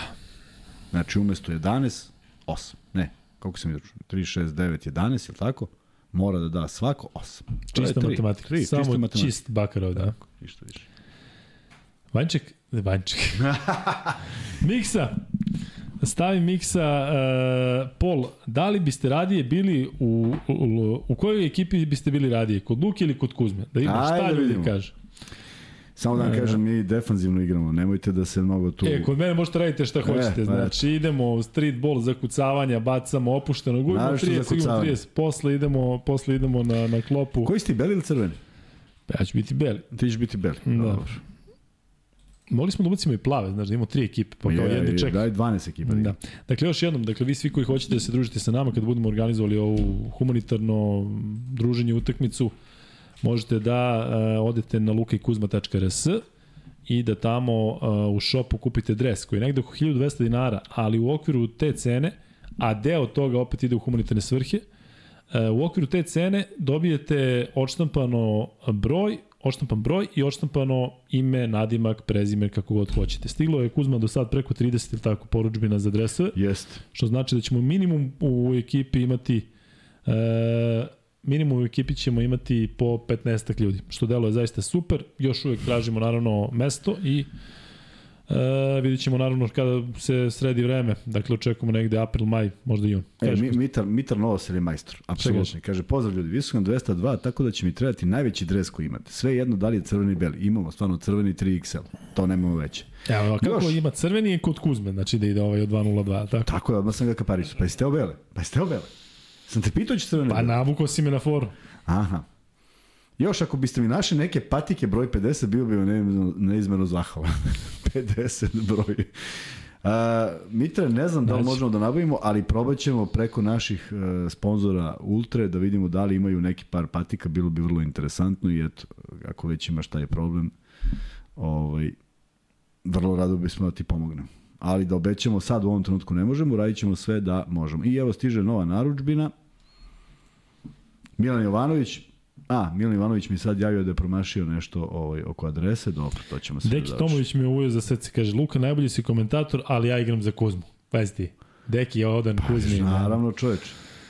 Deki, igramo flastera na tebi, tako da znaš. Ne igra oni deki ništa, lažu, bre, oni samo šutiraju. E, naravno mogu i devojke da dođu, tako da slobodno i ženske osobe nije ništa ono kao sada igramo nešto tvrdo, zezamo se, to će Kuzma da igra tvrdo prve dva minuta dok svi... Ko ne igra tvrdo? Pa to pričaju svojim, to pričaju belim. Mm, Da. Mm. Kuzma, e, krenuo bih na igrača, osim ako nemaš još nešto opšte, ali e, ajde da krenemo od Vildosa, koga si već pominjao. 18 poena, 2 od 9 šut za 3. Ma 2 od 9, tu su dve trojke, sve ovo ostalo mogu da podnesem. Te dve trojke koje, koje, su, koje ne služe ničemu. Ali nemoj mi zameriti Kuzma što ću ovo reći, nismo pričali tako o Vildosi kada iste te ludačke trojke O, pogađao. Boga mi jesmo, vidi, samo ti kažem. Ja sam svaki put dobio urednu poruku, e, znam da se raduješ, ali dobijaš nervni slom. I da, meni kad je nešto van rezona, a bilo je njegovih trojki, ja prokomentarišem da je super što je dao. Ne mogu ja sad u prenosu da kažem, znate, nije trebalo da šutne, To je moje, moje mišljenje, ali ga bar ovde iskazujem i ja ne volim kada neko šutne sa 8 metara i postigne trojku zato što nije bolje rešenje. Da, ali onda i Nedovićeve trojke nemaju smisla većine. Nedovićeve danas su imale sve smisla. Svaki Danas šut da, imao smisla. danas da, ali E, inače. Nije, pa, sam, smo re, pa ja sam postavio pitanje gde je ulaz. Ali znaš zašto? Zato što je šutirao 1 od 9. Da je šu, kada je šutirao 6 od 6 Nije i 5 isto, od 6. ne, isto imaš, imaš nešto što je rezon imaš nešto što će biti svedeno na kraju, ima je, do, ima je dobar dan. Danas je Avramović šutirao sve trojke iz pozicije za trojku. To nije dobar dan. To je fantastičan dan iz pozicije za tri. Da je Avramović šutirao desnom sa 9 metara i pogodio svih šest, onda bi to bilo iznenađenje. Ovako nije, ali je birao najbolje šutere. I ja sam za to da se bira najbolji šut. Evo vidite kako je Jean Gale sada ušao taman u ritem kako treba. Dakle, Jean Gale pričamo o Vildosi, on postavi pitanje o Vildosi. Naravno da ćemo pitamo. Jean Gale pita Kuzmu da li Vildosa u zadnje vreme više šteti svojim odlukama i izgubljenim Jest. loptama nego što doprinosi Jest. poenima. Naročito protiv Albe je bio užasan u pravom smislu reči, zato što je uh, u, u želji da nešto napravi, a to obično proizilazi iz takve želje, ne mnogo iz, iz, iz onoga šta se dešava na terenu. Evo, nek se sete svi utakmice protiv Albe. Prodor Vildose, kratak je, jedan korak, drugi korak ne zna gde i ostavlja Mitroviću koji u tom trenutku ide pored njega na skok. Pa znaš kada će Mitrović uhvati tu loptu? Ne zašto je Mitrović loš igrač, nego zašto ne očekuje da tu postoji lopta. E, ne možeš ti u jednoj... Može, dešava se da će neko to da proceni, da prepozna, ali to su redke stvari. Tu smo egal Kuzma, dakle pola-pola, da znaš. Šta je pola-pola? Pa ko bi igrao za, kod mene, ko kod tebe. Pola-pola. Da. Šta je, dva, dvoje ljudi glasalo? Nije glasalo koliko hoćeš. Ali slušaj ovo. E, slušaj opciju. Ja bih jedno... čvrsto ruku je. Slušaj Simkita, Dušan Simić, kaže, ja bih jedno polovreme igrao za Luku, drugo za Kuzmu. Opa. Obojicu vas volim podjednako kao sinove. Opa. Pozdrav za bratinu Miksu. Prvo da imamo kakav ti učinak u tom prvom polovremenu. Da, da, da, prvo kod Kuzme, on ne, prvo kod mene pa da Kuzma te skautira. Ali da, i to je dobra ideja da se mešamo, bre, imaćemo, ovaj, radit ćemo Aj, upola ti. ono kako hoćemo. Razvije A ti misliš strategiju svoje, ekipe, molim. E, da, mogli bi da igramo u nešto, znaš, Pa igrat ćemo, naravno, ćemo igrati u nešto. tipa ono, Čuj, nećemo. Joki, nećemo brojimo. a u šta ćemo da igramo, ajde, baš te E, sad ne mogu Ajde. ti kažem, ne mogu, to je, to je u, raz, U ovih razvijem, pet, u ovih razvijem pet. Džangirovih... E, Čekaj nas ćevape, Džangir dono ćevape i sad mi čekamo. Džangir je kralj, samo nije hteo ovde da uđe da, Da. Ovaj, da, da malo sa nama izbleji. Luka, pitaj Kuzmu da li stranci kada ostaje da sezona potencijalno izmiče popuštaju sa partijama i mislima i odlaze ko zna gde. Pa moguće. Meni deluje da ima pojedinaca koji tako reaguju. Ne bih sada da generalizujem, ali ima onih koji su u fazonu kao kad ide kad tone šta ću ja da dižem, daj da vidim da nabijem neku statistiku da mi to ide. Ima. Ima svega. Jesi imao takve Pa ja sam bio stranac. Bio Ali sam, kada odeš u, u Patru, kada odeš u Belgiju, ili se, ili si se razlikovao od tih stranaca koji vidiš da dođe da odradi, znaš tačno šta je kako oni čomba, tvoj džomba. On Vidi ovako, bio sam, bio sam, bio stranac. bio sam, bio sam, ja sam, tre, ja trebalo da imam ugovor na dve godine u, ovome, u, u Belgiji, pa su oni opredelili za jednu ili su pravo opcije. Nije im se dopalo što smo uzeli kup i prvenstvo.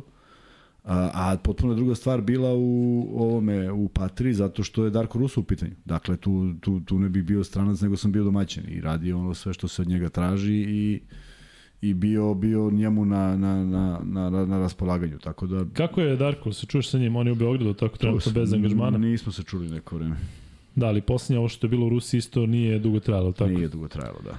E, dobro, Kuzma, da pređemo na sledećeg igrača. Sledeći igrač je Stefan Lazarević. On je dao onu jednu trojku i svi smo se obradovali, imao je sedam e, skokova, E, to je ono dve što je ukradene, tako. te, dakle, To, to je bilo videli smo neprocenjivo. da može da pogodi, ja ne znam što više ne šutira. Ne znam, to je bilo neprocenjivo to što je uradio, ali je dobio neke lopte koje on ne rešava. Ne rešava zato što nema, nema samopouzdanje, ne rešava zato što je iznenađen možda što dobije loptu, ne znam kako to izgleda na treniziji, možda ne dobija uopšte, ali taj napor koji uradio u odbrani i iznudio neke faulove i tih sedam skokova su zaista u tim momentima bili zlata vredni, zatvorili su reket i tu je Zvezda pravila razliku i tu se videla ta to što postoji ta želja da skineš loptu. Nije to neko teško znanje koliko uh, uh, želiš da pomogneš nekom svom saigraču da skineš loptu, odeš, proceniš gde se lopta odbija i dolaziš do skoka. Tako da, što se njega tiče, bez obzira na tih tri poena i ništa više od poena, 7 skokova je ozbiljno dobar učinak, tako da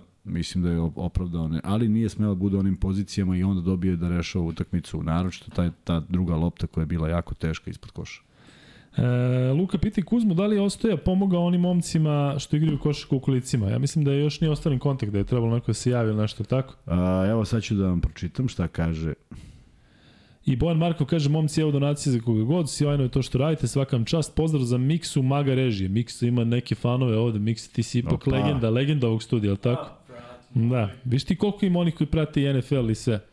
Treba pustimo ovaj e, pol, da li znate Miksu od ranije, pa da vidimo šta kaže. Sa. Mm, To. E, a ti si danas prenosio Miksa li tako? Miks je prenosio Evercup, uh, Bursa, Burg, vidio sam na polovremenu da je bilo neko kidanje nešto, zilion, zilion poena, ali doći ćemo i do toga. E, Kuzma traži poruku, pa ćemo sada... Da, da tražim vidimo. samo sačekajte nađe. Ne znam, aha, evo ga. Pupu, pukovnik Vesa, predsednik Sokola, mi je ovaj, poslao poruku, zdravo, dogovorio sam se da se nađemo u petak u 12. Da li si slobodan da ideš sa mnom? Rekao sam, naravno, tako da ćemo... Pa zove mene neko ovdje kao ključnog čoveka u celoj priči. Kako Tebe? ne idem ja? Još Da su- vidim da li ranac u kancelariji. Možda su ključevi kod tebe. Da, tako da bit će to okej. Okay, bez Da, brige. vidjet ćemo sutra, eto, ali, ali na, uspostavljen je kontakt, sve ono što je, što je Ostaje Milović rekao, eto, napravili su kontakt i ja bih voleo da ja da prenesem samo neka iskustva ovaj, kako je to bilo sa Zvezdom, ali prosto prepuštam sve njima i drago mi je da su reagovali. Nisam ni sumnjao da će reagovati tako, nego je bio pravi moment za pitanje, jer kada sam pokušavao ranije, mogu zamislim taj početak ovaj, i prošle sezone i sve šta se dešavalo, tako da nikako nije bio moment da se skrene na ovu priču, ali evo, to je ispalo kao pravi pun pogodak. Da, tako da evo dobili smo odgovori za to. E, nastavljamo sa igračima. Facundo Campazzo 16 poena, 1 od 4 za 2. E, 3 od 11 za 3, 5 od 6 sa penala. Mnogo je to šuta. 3 skoka, 7 asistencija, ali ja stvarno kada, je- kada je on video si u, u prvoj četvrtini, u prvom polovremenu, dakle onih njegovih, e, što je nekoliko puta mogao 2 plus 1, pa nije ušlo. Ja stvarno mislim da je to jet laga. Jeste, Dakle, jeste, čovjek koji je proveo jeste. u, Da, da, u da, avionu 100%, sve, 100%. dakle to je tačno tih malo Tako je, da, tako da je, inače tako bi bilo. Je, tako je, zato je, zato je sve to urađeno kako treba. To, to, to shvatiš da je posledica, to i kažeš ok, ali ovo je sve košarkaški. E, onih 11-3 nije košarkaški. Ja moram priznati da ne razumem zvezdu koja je pustila Kampaca, a ne Vildosu. Zato što i Vildosa da je pušteno, on bi došao isto ovako, tako, dakle, znao si da Kampaco 1. marta može da Pa se ne, registruje da će da igra. Vidi, tu sad baš Znači, ne znamo ništa. Ni- tako je, ne da, znamo ništa, pustiš ni koga su ili ne, zvali, da. ni ko je pustio, ni da li je svako hteo da ide, ni ko je hteo, ko nije, tako da tu možemo samo nagađamo, Jeste, ali i to je prosto, pff, To ne volim. E, imaš još nešto oko Kampaca, Kuzma? 3 od 11, stvarno je mnogo za 3 za, Mnogo, za debi. mnogo, ja? mnogo, ne, 3 od 11, koliko si rekao Vildoza, 2 od 8, 2 od 9, dakle od njih dvojica zajedno 5 od 20. 20. 5 od 20 i Nedović je dodao, Nedović je okej, okay, 2 od 4. ne, ne, koliko je samo šutnuo. 4. Znači, da, onda je to 5, 5 od 20, mnogo. Nedović, ja ne može, ne može dođe do izražaja To je između šut, oko njih to je šut cele ekipe na jednoj utakmici, ako mene pitaš. Za Pa 3 kako pojene. nije, 24. Pa to je više od, od, od, od, od ovo. Danas je Žalgiri šutno 8 trojki. Dali dve, dao bi Polonar. Polonara dao trojke. Polonara dao, što dao sve trojke za Žalgiri, znam. Nije čuo što izgubio. Je nevjerojatno. Ove, ali pitao sam to tebe, Kuzma, danas kada smo pričali tokom utakmice, ali volio bih i vas da čujem e, šta mislite o tome. Dakle, e, koliko može da bude kontraproduktivno za Zvezdu? Duše Zvezda sada ima loš niz rezultata u, u Euroligi, ali to što su Kampacu i Vildosa zaista igrači koji deluju kao da malo privatizuju igru i deluje da se onako baš njih dvojica nameću kao neki tandem od kojih sve treba da zavisi. Čak i Nedović svoju igru e, na neki način podredio timu, video si da deli sada lopte sa strane, dakle on je shvatio da kada su njih trojica zajedno na terenu ili kada su uopšte njih trojica zajedno u ekipi, da ne može on da šutira jedan, da- devet trojke ili sve. A njih dvojica posebno, meni ono što sam danas primetio, ta njihova komunikacija e, na španskom, dakle ona ortačka sve, Pa sad možda ovi neki momci nešto ne razumeju. Razmišljam kad bi ja i ti otišli u neki podcast u, u Sjedinjim američkim državama i 12 tamo podcastera širom, širom sveta. I ja i ti da pričamo na srpskom i da se zezamo, oni bi rekli, pa čekaj bre, šta ovo? A meni bi tebi vjerojatno bilo super, ali ne Kažu li da je zabranjeno pričati na maternjem jeziku u tim nekim kompanijama, prosto moraš na e, engleskom. E, naravno da je lakše za komunikaciju da mu nešto kaže što ima veze sa samom igrom. Ali potpuno si u pravu da su preuzeli, ne mogu da kažem ničim izazvano. Dakle, Vildosa je došao i preuzeo. Jeste, da, Vilosina je došao i drugačije, da. Došao je Kampaco i sad nije stigao da preuzme, ovo je prva utakmica, ali u ABA ligi on preuzeo. A, Nedović je čovek koji je možda danas ušao sa najvećim racijom i Tako rekao, je, ok, mogu tako je. povodim, ne mogu povodim, sad ću dodam, neću... Opet su njegovi ulazi bili izuzetni. I on je radio ono što treba da radi. I nije uzeo mnogo šuteva. Ali ako Nedović može da se adaptira, koji ajde kažeš i onako je. delovao E, je kao da, da tu je- u tu je- nameri da bude da lider zna da podilja Tu je sad to pitanje. Dva od četiri si šutnuo i nemate na kraju utakmice. To je ono što mi jedino smeta. Da je on šutnuo jedan od devet. Ok, daj bre Dobrića, probamo možda neko pogodi. Ali dva od četiri i u tom trenutku pre te dve trojke, to znači da je to dva od sedam. To je isuviše mnogo za jednu utakmicu da bi to krenulo na taj način. Prema tome, da, postoje problemi koji mogu da se reše, ali nekako trebalo da se reše pre dva kola. Zato što pobeda nad Makabijem je trebala da bude ta neka euforija. Pa osvojen kup, pa to je tek trebalo da bude sve kad se sklopi. Ja tako? iskreno mislim da taj zve, kup koji je Zvezda osvojila da ih je možda malo potrošio i psihički i fizički i sve da za Ej, vidi, da me ne stane niko pogrešno, ali o ljudima je ovo bitnije. vidi, dakle, prećemo, slažem god. se, ali prećemo na Partizan. I njihova potrošnja će sada, ako se ovako nastavi razvoj situacije, biti daleko veća nego Zvezdina u Euroligi. Pa miš da će se odraziti na Baligu. Sigurno. To, znaš, to su, to su sad, to sad vagaju svi šta je tu i neko, neko vaga. Ovaj, neko mora da proceni, jako je teško izdržati u tom ritmu i vidjet ćemo, pogotovo što danas Vukčić je morao na parket, pa pa Petru vidimo doći u civilu, da. da, i tako dalje.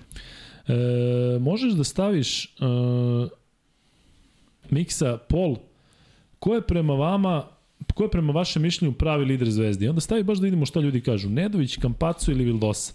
Da vidimo, dakle, vodite se time zaista koga, bi volili, koga volite da vidite u posljednjim trenucima da ima loptu. Dakle, kome biste vi kao trener dali loptu u posljednjim trenucima da igra 1 na 1 ili da rešava da, kod koga ste sigurni kada je lopta. Dakle, Nedović, Kampacu ili Vildosa. Ko tebi iz te trojke, Kuzma, ti, dakle, ti sad vodiš zvezdu, i mora da se očisti strane da jedan igra jedan jedan, kome, kome bi dalo? Nije, ne bi tako gledao. Ja hoću ti kažem jednu, jednu drugu stvar. Ja mislim da je, da je dolazak Nedovića trebalo da bude upravo to.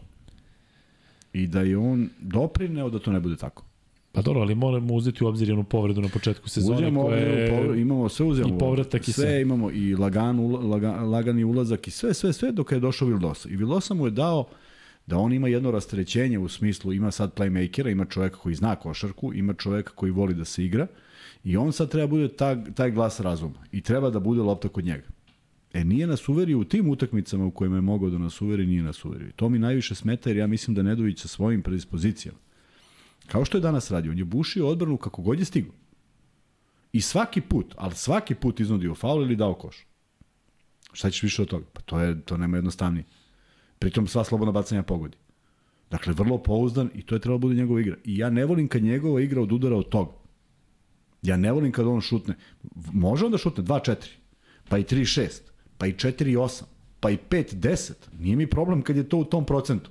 Ok, 3-11 kod danas Kampacu. To, to, to ne mogu da zamislim prosto. Ja, ja, ja, ja ne, ne mogu setiti da sam šutno 11 lopti na utakmici na tom, na tom nivou. Ne, delo mi da u tvoje vreme, kada si igrao, da nisam video te igrače koji žele da se vade iz loše forme. Dakle, da nije bilo ono koji ja sam promašio 3, daj da sada ja krenem na račun ekipe. Znaš kako se vadi? Pa vadi se jedan ulaz, pa zabeleži 3 ulaza ili 6 bacanja i okej, okay, onda je to, to, tu si se vratio, sad si uradio nešto košarkaški. Ovo nije košarkaški, da. ovo je najlakše. E, e, sad će da me krene. Sad će, sad će 100% da me krene. Ma nemoj. Ne, ali delo mi da u to vreme nisi to radio iz respekta prema saigračima. Između ostalog, hvala Ne zbog Bogu. toga, nego znaš da tebe neko gleda kako naravno, ti šutiraš 7 puta za redom. Tako. A pritom znaš. igraš sa ozbiljnim dobrim igračima koji to mogu da reše. Šta to, to što ti ne možeš, to je tvoj problem. Rešava i sledeću utakmicu. Upravo si to Turina, trebalo da stavimo neku četvrti, ali ajde, ovo je ta bekovska linija pa ćemo da ostavimo, ostavimo tako i vidjet ćemo kako izgledaju rezultati na kraju. Luka Mitrović 5 poena, 4 skoka, 3 asistencije, Luka je danas e, opet na momente bio, bio na svom e, Jest, nivou, opet tako bio dobar, ništa nije grešio, treba, tako, tako. Sve je bilo okej. Okay. Koliko je igrao minuta? 21 i po minut, e, tri put čovjek šutno, mislim, o čemu pričam. Da, možda malo lopti, ali bio je tu Martin koji je to nešto radio što inače Luka radi. Pa ti delovalo da... da nije bilo tog balansa, da smo više očekivali da Kampacu spušta loptu dole. On je spustio jednom loptu Martinu, spustio još nekoliko puta loptu, ali više se on koncentrisao na sebe, na svoj ulaz i na svoj šut. Između ostalog jeste, da. Da. E, Martin, ajdemo odmah do njega, 8 poena, nešto si ga, kad smo se videli na polovremenu, nešto si bio nezadovoljan Martinom, zato što je dva puta ispao odbrani, tako?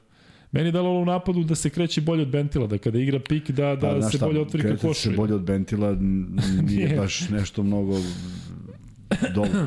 Martin, Martin, znaš šta, ta pauza uzme, uzme maha, ne možeš ti da računaš da si isti igrač, tako da... Ali sigurniji sam ja kada uđe u, u reket Martin i baci onu zavrne na tablu da će da uđe nego kada Bentil, znaš, ne, ne. znaš on kada šutne onaj polu horog ili nešto, ne znaš da li gađa u tablu, da li, da, da li u drugi da, obruč, da, da li će da, da bude stoji, airball, da. Stoji potpuno.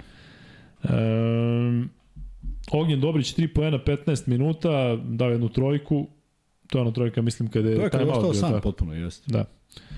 E, Nikola Ivanović 3 minuta, nema šta da se komentariše, se očekivao da će igrati više. Pa, eto vidiš, on, bilo bi mi iznenađenje da je više igrao, a opet ne znam šta se sad to desilo. On je igrao dobro za reprezentaciju, pa i verovatno i on očekivao malo više minuta. Pa možda si on potrošio, mislim. Možda, ko zna. E, ono je bio težak meč protiv Britanije u smislu svakom. Koji jako je na kraju bilo koliko je razlike bilo. Za koga pričaš? Za, za, ti govoriš za Dobrić? Ne, za Ivanović. A za Ivanović govoriš za ovo, pa kako se nisi trošio, bre, pa, ljudi vjerojatno da. slavili sve. Čestitke Crnoj Gori, dakle, možda smo prošli put malo manje pričali jeste, o tome, to pa smo, sam ja dobio. Smo, jeste, dobili smo svi, što se tako malo i ja sam dobio. Jesi? Da, i pa sad ćemo u pauzi, jeste, jeste. Sad ćemo u pauzi. Pa sad ćemo, sad kad završimo zvedu, samo ćemo da ovaj, pređemo na to, pa ćemo na partizan. Nemanja Nedović, 21 minut, što Kuzma kaže da je malo i svi slažemo da je malo, 15 poena. Nedović je danas, što kaže, takođe Vlajko, Igrao zaista racionalno, 2 od 5 za 2, 2 od 4 za 3, 5 od 5 sa penala, očigledno da i ta kriza prošla, znate da je jedno vreme malo sa penala bio nesiguran, četiri asistencije, tri skoka, indeks 21 ubedljivo najveći u Pa da, zvezdi, to je- ali na kraju Na kraju ga nije bilo na parketu.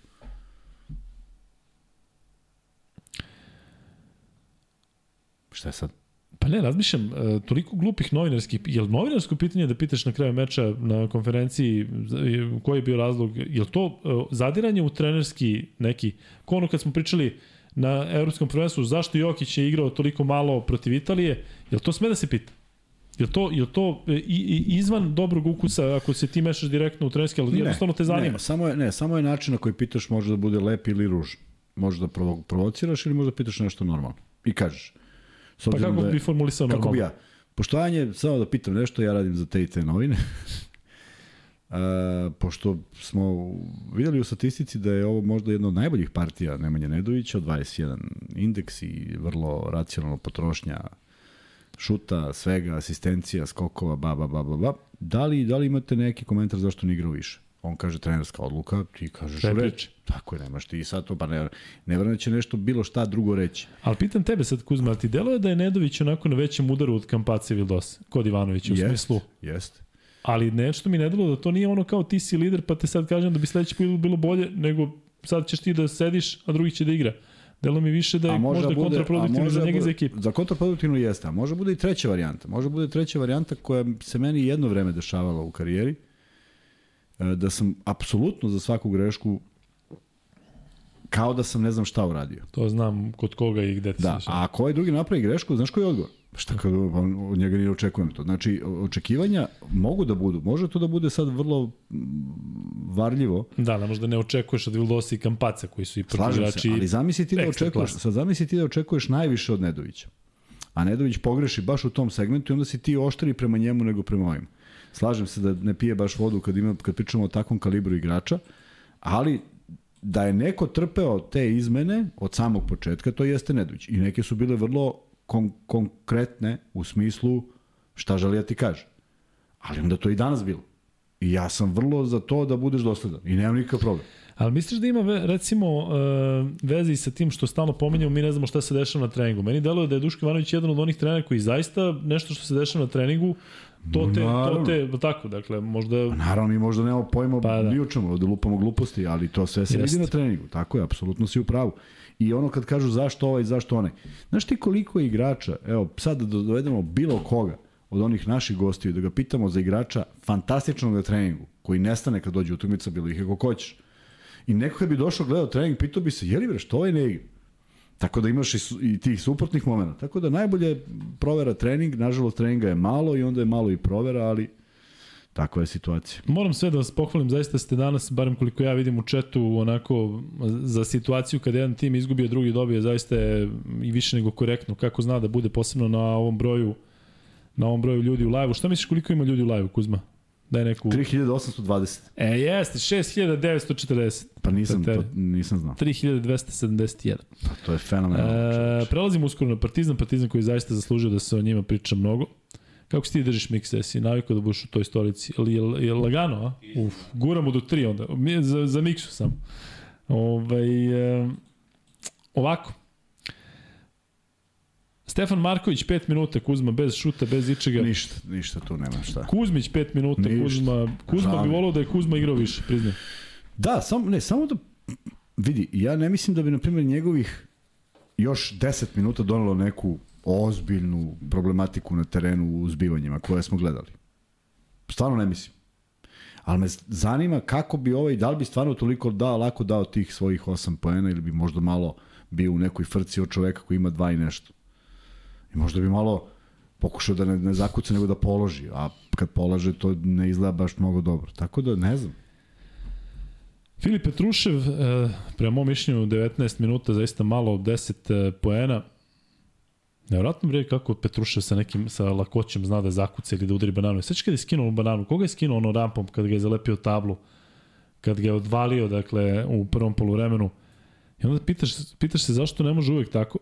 Evo ja ću sebi da dozvolim sada um, da isprokomentarišem to. Ja moram priznati da nešto što mi je zajedničko za Zvezdu i Partizan, to je zaista što sam očekivao da će ne, neki igrači igrati više kada je reč o domaćim igračima. Dakle, to mi je zajedničko za Zvezdu i Partizan. Ništa loše ne mislim, ništa sada nešto ne, ne pokušavam tu da zagrebem, da sada nešto ja pošljem neku poruku, ali zaista za igrače koji su u reprezentaciji ili bili su u reprezentaciji ili su bili toliko dominantni, očekivao sam da će više igrati. Evo konkretno danas je ovo što vi pišete, Petrušev i Nedović, možda i Dobrić, iako Kuzma kaže da je on više jedan od tih igrača koji ako u ritmu igra, ako nije ne igra, ali ne znam. Imaš još nešto za Petruševa, Kuzma? Neš, nešto, za Petruševa mi je žao, da, zato što, zašto nije igrao više. Bilo je to jedna dobra partija, dosta segmenata, jeste da je negde nije bio u onom svom elementu, ali kažem, bilo je tu skokova, bilo je tu dobrih odbrana, bilo je tu svega i mislim da je trebalo da bude na parketu iz prostog razloga što samo imam taj stav. Ako gubim i ako ne ide, hoću da gubim sa onima u koje, koje verujem. Ovako mi se čini da, ovako deluje da uh, uh, Ivanović ima poverenje u podjednako sve igrače. Što je samo po sebi nemoguće. Da. I razumem da je trenutno živimo u takvom periodu da 90% trenera, možda i 100%, voli nešto što ja ne razumem, ali ne razumem zato što se time ne bavim, možda su oni potpuno u pravu, vole da imaju uh, energiju. Da ne, pada, da ne pada energija, da ne pada snaga, da ne pada brzina. I onda su te izmene mnogo češće da bi se nadomestila. E sad, tu imam jedno ozbiljno pitanje. A kvalitet tih ljudi je potpuno nevažan ili je važan? E, nekome nije važan, nekome jeste važan, neko samo želi da se to pegla i da bude uh, u što boljem ritmu i da se tu da ne pada ritam, a ja to zaista ne vidim tako. Ali kažem, možda grešim jer ne znam kako bi izgledala moja košarka koju bi ja igrao kao trener, pa ne mogu ni da tvrdim. Međutim, čini mi se da kada imaš 12 igrača da prosto ne možeš da imaš poverenje u svakoga pojedina, po, po, po, podjednako i da moraš da se opredeliš za one koji završavaju utakmicu, počinju, počinju utakmicu, to smo već videli. Evo, na primjer, Kampaco danas nije počeo utakmicu. Što je meni sasvim ok. Ima neki ritam, ima nešto, postoji što... To očekuješ tako da bude i dalje. Da, što bi sad remetio Kampacu? Nije, stvarno, taj početak utakmice nije, nije nešto što je, znaš, bitan je energetski. Nije bitno da li je neko sad dao poen prvi, drugi, treći, ali energetski jeste. Ta petorka koja je izašla igrala sasvim pristojno. Tako da nije nužno da neko bude, ali kad se završava utakmica, pa ti moraš da imaš čoveka koji nije promašio slobodno bacanje zadnjih 7 utakmica. Prosto moraš, zato što uvodiš u završnicu kakva jeste.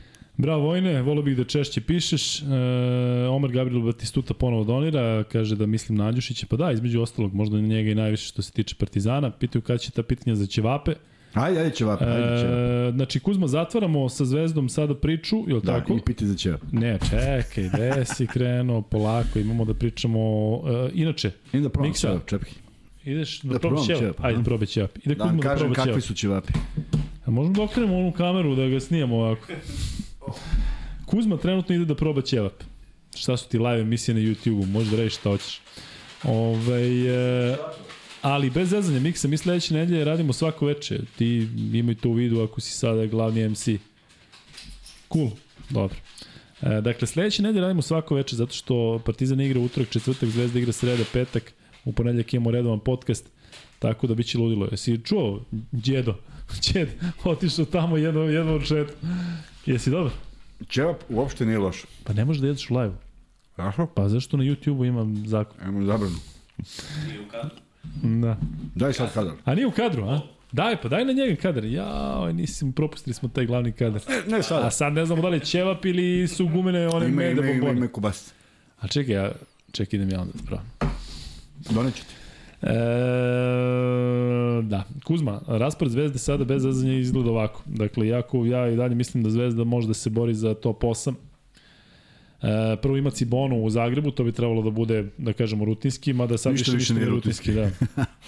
Ali onda duplo kolo. Zvezda igra... e, Efes u- pao. Efes kod kuće pao na strani. Mm -hmm. Nije to loše, a? Ma genijalno. Ma ne, nema šta, mislim sad šta pričamo? Uh, imaš, Pričamo da Zvezda ako dobije ta dva meča, ponovo se podiže i dobija nekakvu šansu. Mm, Ne, a? do koliko brojeva, do kojeg broja stiže? Ako dobije ova dva meča, do 16. Jeste, do 13 stiže. A kako si opsednut brojima? Tek do Pa 13 nevjerojatno. stiže. Pa zato što će za dve utakmice neko isto napraviti ti, ti te Je li dve imala. Zvezda pr seriju 7-0 kada je došao Ivanović u Euroligi?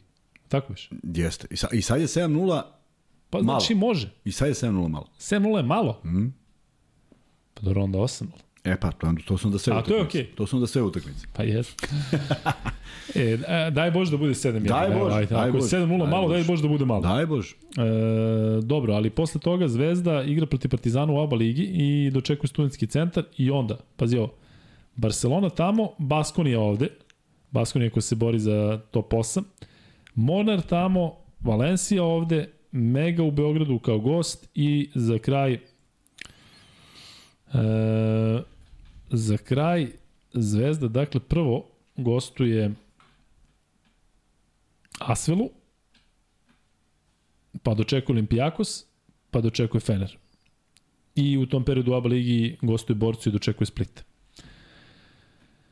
Mnogo još utakmica. Na oba fronta. Ja ti kad razmišljam stvarno da je, da je mogla da se dobije Alba i Bayern, koliko bi sad sve bilo drugačije. Ja mislim da je, da je Zvezda danas Ne, ne izgubila. možeš. Ja mislim da je danas Zvezda izgubila zašto je izgubila od Alba. Pa to je jest, moje. Pa jest. Dakle, Pogotovo jesi što je rekao da pobeđen Makabi.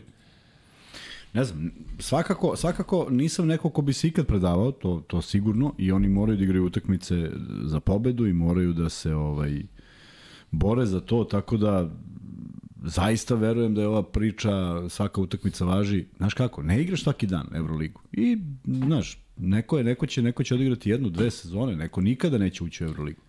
Tako da mislim da stvarno svaka utakmica važi i Zvezda mora da do kraja odigra naj, mo, bolje moguće i da napravi šta može da napravi. To je to, ništa više od toga. da. E, Kuzma, ovde bih zatvorio sa Zvezdom. Ajde. E, I možeš Vanček, e, Vanček, šta ti je moć navike.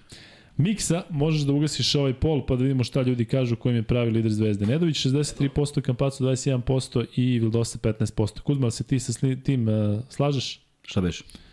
Nedović 63%, Kampacu 21%, Vildosa Da, da, da, 15%, da. ko je među njima? Pa da, svi se nadamo bi- da će Neda tu da bude da... Ja sam mislio da će biti i želeo sam da bude, nije ni mene ubedio, u nekim utakmicama jeste, onda tamo pomislim da je to to, a ono nije. Kuzma, ali možda grešimo svi što ipak sada Zvezdu možda malo i otpisujemo, ali praktično se sezona tek zahuktava, što kažeš mora da se okrene ABA ligi, ABA liga će na kraju možda biti bitnija od... Ja ne, od... ne, ne, ne otpisujemo ništa, samo samo govorimo o matematiku, pričamo o matematici. Dakle, imamo dve ekipe, nemačke, koje su ispod zvezde.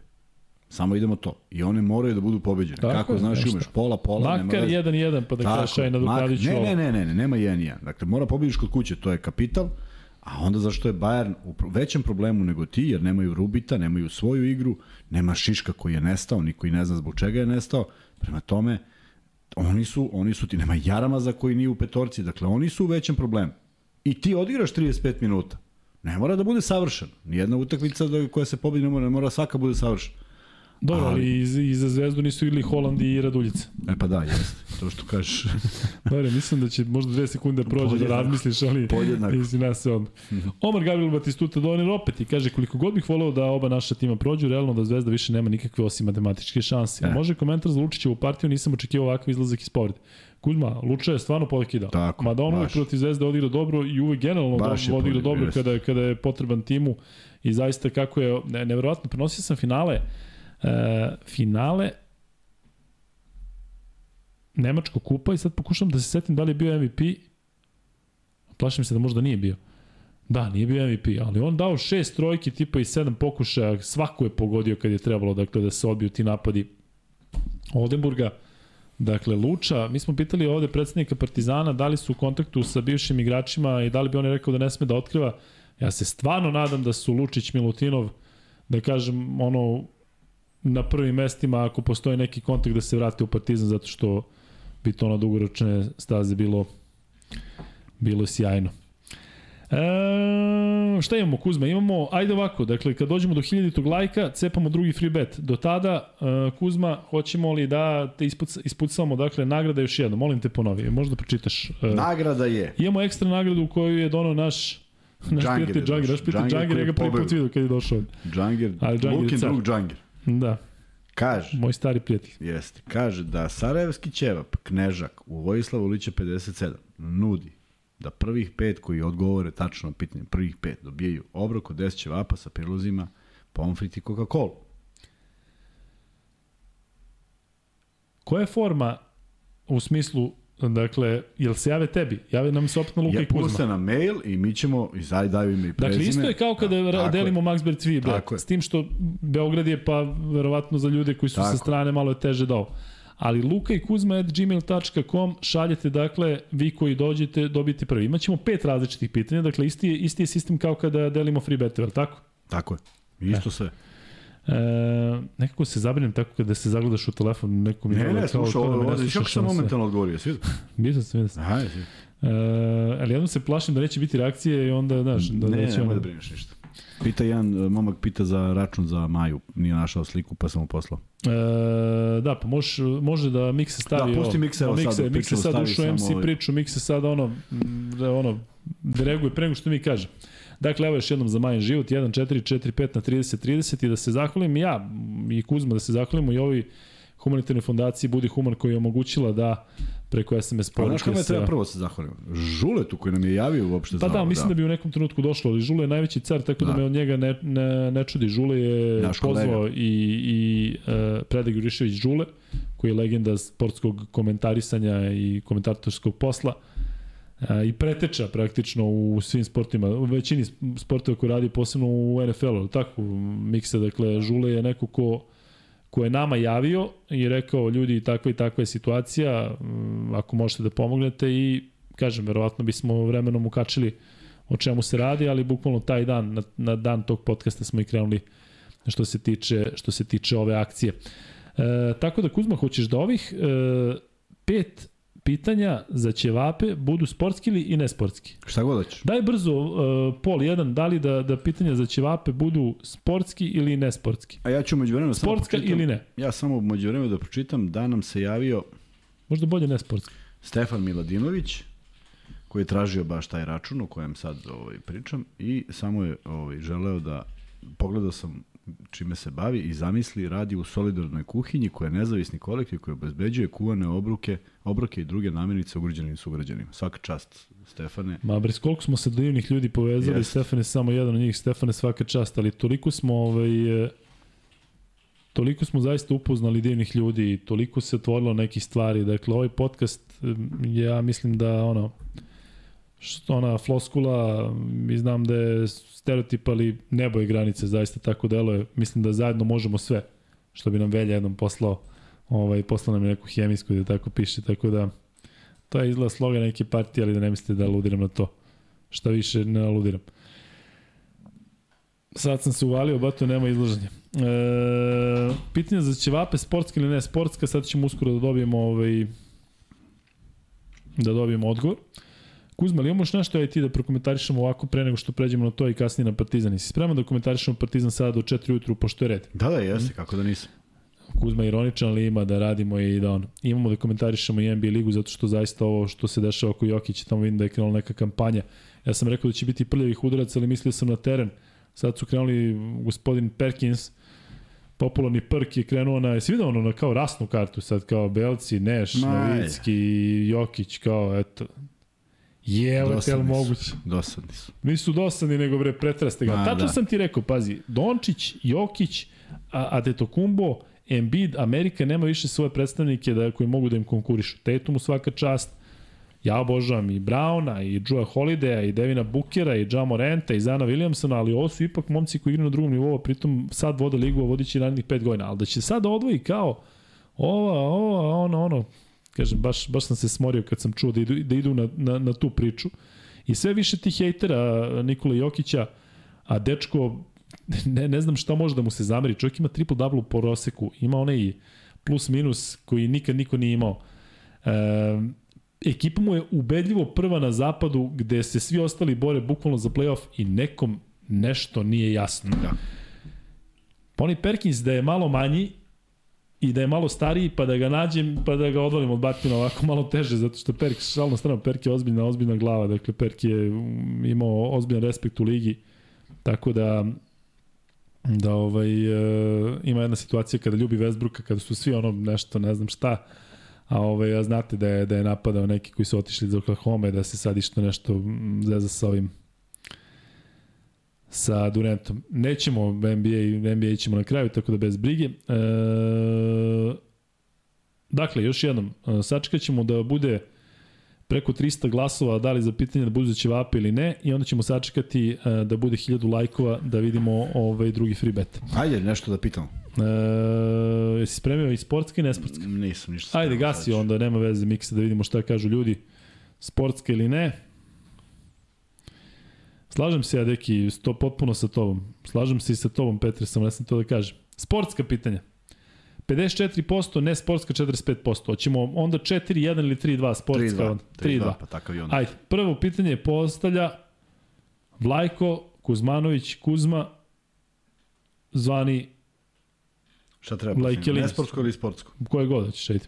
Prvo pitanje za Ćevape. Prvo pitanje za Ćevape nesportsko. Kako se zove prvi album grupe Babe?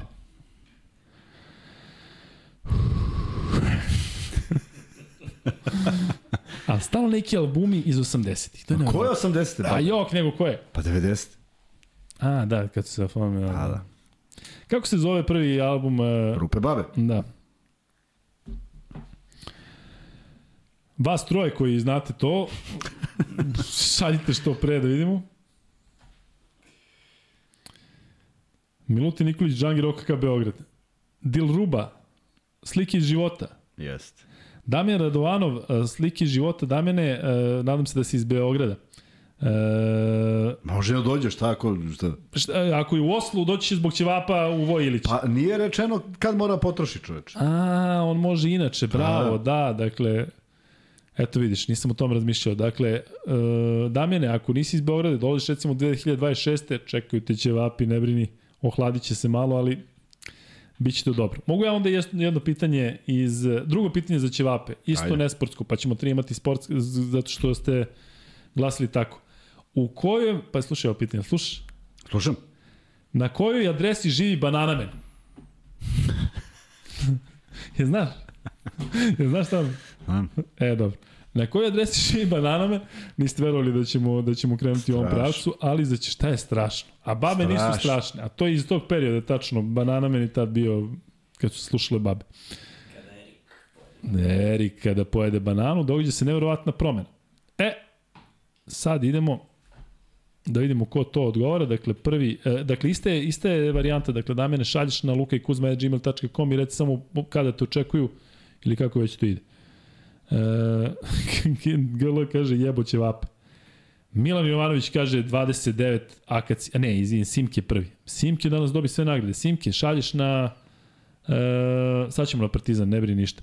29 akacija, e, Simke je drugi dobitnik za ćevape. Kuzma, treće sportsko pitanje. Nemoj sad odmah treće, daj bre, čekaj bre, ne mogu sad smislim sve. Pa smislit ću ja. Ne Ajde, pa onda smisliš šta me gledaš. Um,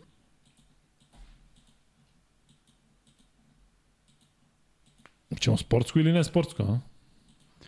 Miloše, Miloš Marković pita za dres. To je majica za trening, tako se zove. Na Luka i Kuzma Na Luka shop. i Kuzma shopu, da. O, o, taj sajt ukucaš i piše majica za trening, to je dres. Onaj bez rukava. Crveni i beli. Beli samo ima XXL, a crveni ima još uvek pojedinih, ali nisam siguran da ima baš svih. Kako se ovde dobro zezaju u koji, u koji uh, ulici živi Luki Vildose 29. Ulica Gladnih Novi Beograd. Rooseveltova 28. U Ljutice Bogdana. To je moja ulica gde sam se rodio. E, da. Dobro, za Ćevape sledeće pitanje, ko je danas imao najveću minutažu, na, najmanju minutažu u Crnoj zvezdi? Igrač sa najmanjom minutažom u Crnoj zvezdi, kako se zove, to je treće pitanje za Ćevape. Dakle, e, ko je igrao najmanje minuta od svih igrača koji su danas ulazili u igru u Crnoj zvezdi, to je treće pitanje za Ćevape. E, Simke šalješ isto dakle na lukajkuzma.gmail.com A e, ti Kuzma smisli neko sportsko. Tipa ko, Sportsko, koje godine izašao album tog i tog kluba? Dobro, ajde. Nije Vuče. Nije ni Kuzmić, nije ni Marković, ne znam šta mi. Nije ni Lazarević.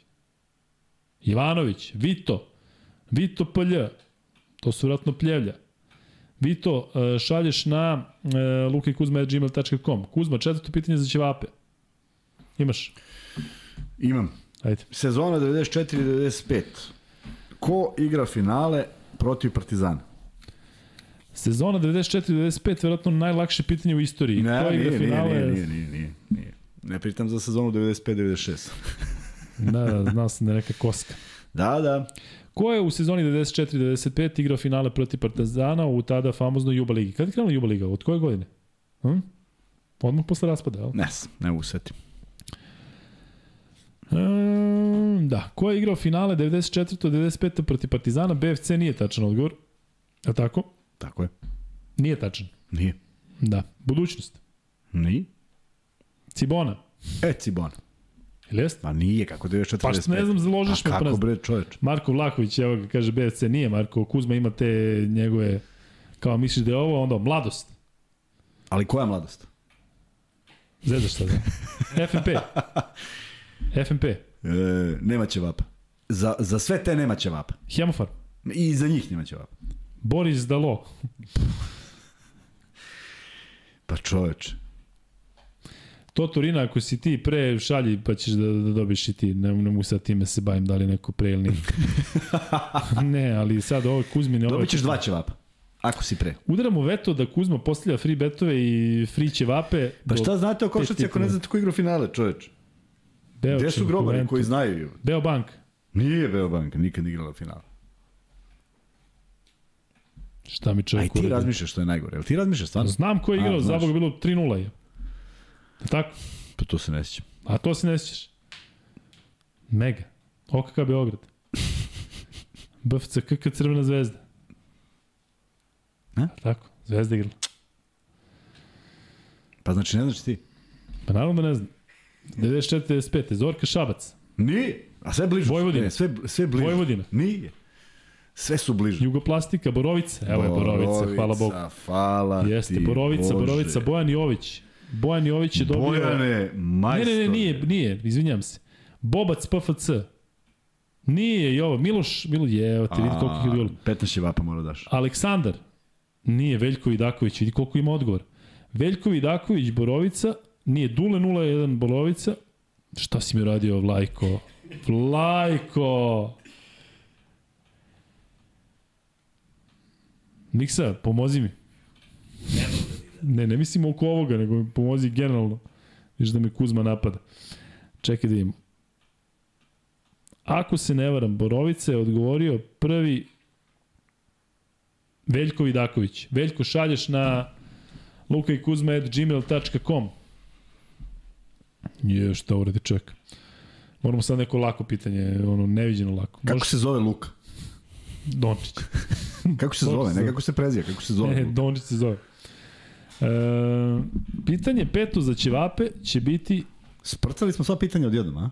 Jesmo. Šta Kaže? Šiler je vas ćevapi. Šiler je, slažem se s tom, vala baš. E, pa sad je. Trebalo da delimo onako na svakih ono malo, pa, Pa kao, evo, jest. sad ide pitanje za Pa ćevape. jesli, ja sam mislio da ćemo tako. Sutra, pazite ovo, sutra prenosim u dva sata prvo polufinale Dubaja. Ko igra prvo polufinale Dubaja, dakle ko protiv koga i ko stavi tenis naravno u pitanju. Uj, Dakle, Ali ti pitanje. ajde sad odgovori na to, gospodin Borovica. Dakle, sutra u 14 časova igra se prvo polufinale Dubaja. Đoković igra posle. E, dakle, ko igra prvo polufinale Dubaja u tenisu? Eto. Znači, jedan ćep. Neću, posle ovih će, posle ovog sad pitanja će vape, neću jesti dugo. Ćeš luk? Borna Medvedev nije vuče, Medvedev jeste, nije, da, nije ni, ni Medvedev, Medvedev igra protiv Đoković kasnije. Zverev Rubljov, tako je, Muloš Tubić, Miloše, šalješ e, šalješ e, na lukikuzme.gmail.com svoje ime i dobiješ ćevape i Coca-Cola i već šta, I pomfrit, i pomfrit, sos. Ketchup, ketchup nosi ti, ne, ne, nema ketchupa. Dobro, e, Ima još nešto da ćevap? nema. E, Kuzma, Luka postavi neko pitanje Sada za kobasice. Pet komada. ali po, po kobasicu, znaš. Svako dobije jednu kobasicu, narednih 30 odgovora. Kuzma, hoćemo da pređemo na Partizan? Hoćemo, da si ovde ajde, ajde. minirao na sve moguće načine da ne dođemo do Partizana, znaš pazi, mene, do da. 1 i 10. Pazi. Partizan 1 i je 10. pobedio. Hvala, doviđenja. da, odlično su odigrali i to bi bilo Baš to. su bili dobri Ja. i, i sad idemo kući. Idemo tabele kao NBA Fantasy. NBA I Fantasy, onda, ali onda prvo polako. mesto, da, onda da. polako. RSB tim u sastavu Mića, Dragan, Petar, Goran, Bojan. Dobar. Ljudi, Partizan je pobedio Albu sa neverovatnom tom trećom četvrtinom. Ja moram priznati da, da ovaj, sam bio da je bilo takve drame u prvom poluvremenu. Ali Kuzma, je ta drama recimo Partizana u prvom poluvremenu ili imala veze sa tim što su možda stvarno skautirali Al, Albu protiv Zvezde, a Zvezda Alba pokidala protiv Zvezde u istom tom Beogradu, u duše drugoj hali, u prošlom kolu. Je li ima to da imaš neki grč, kad kažeš, evo te čekaj, ovi ubili zvezdu 15 razlike? Imaš ako ne krene, a nije krenulo. Nije, nije krenulo, bilo tako. tako. I onda si ti u nekom zaostatku i počinješ da se nerviraš. I uh, treba ti pauza, pauza ne može baš da se napravi na timeoutu da bude delotvorna, ali se napravila na poluvremenu. I ono što je Partizan uradio u trećoj četvrtini, ja ne znam kad bi oni mogli da igraju stalno tako što naravno nije nije nije ni realno ni moguće, ali oni su leteli po terenu. Prosto ni jedan igrač Albe nije bio sam ni jedan delić sekunde. Dakle ono je bila teška muka da se lopta sačuva u rukama i da se dribling spasi.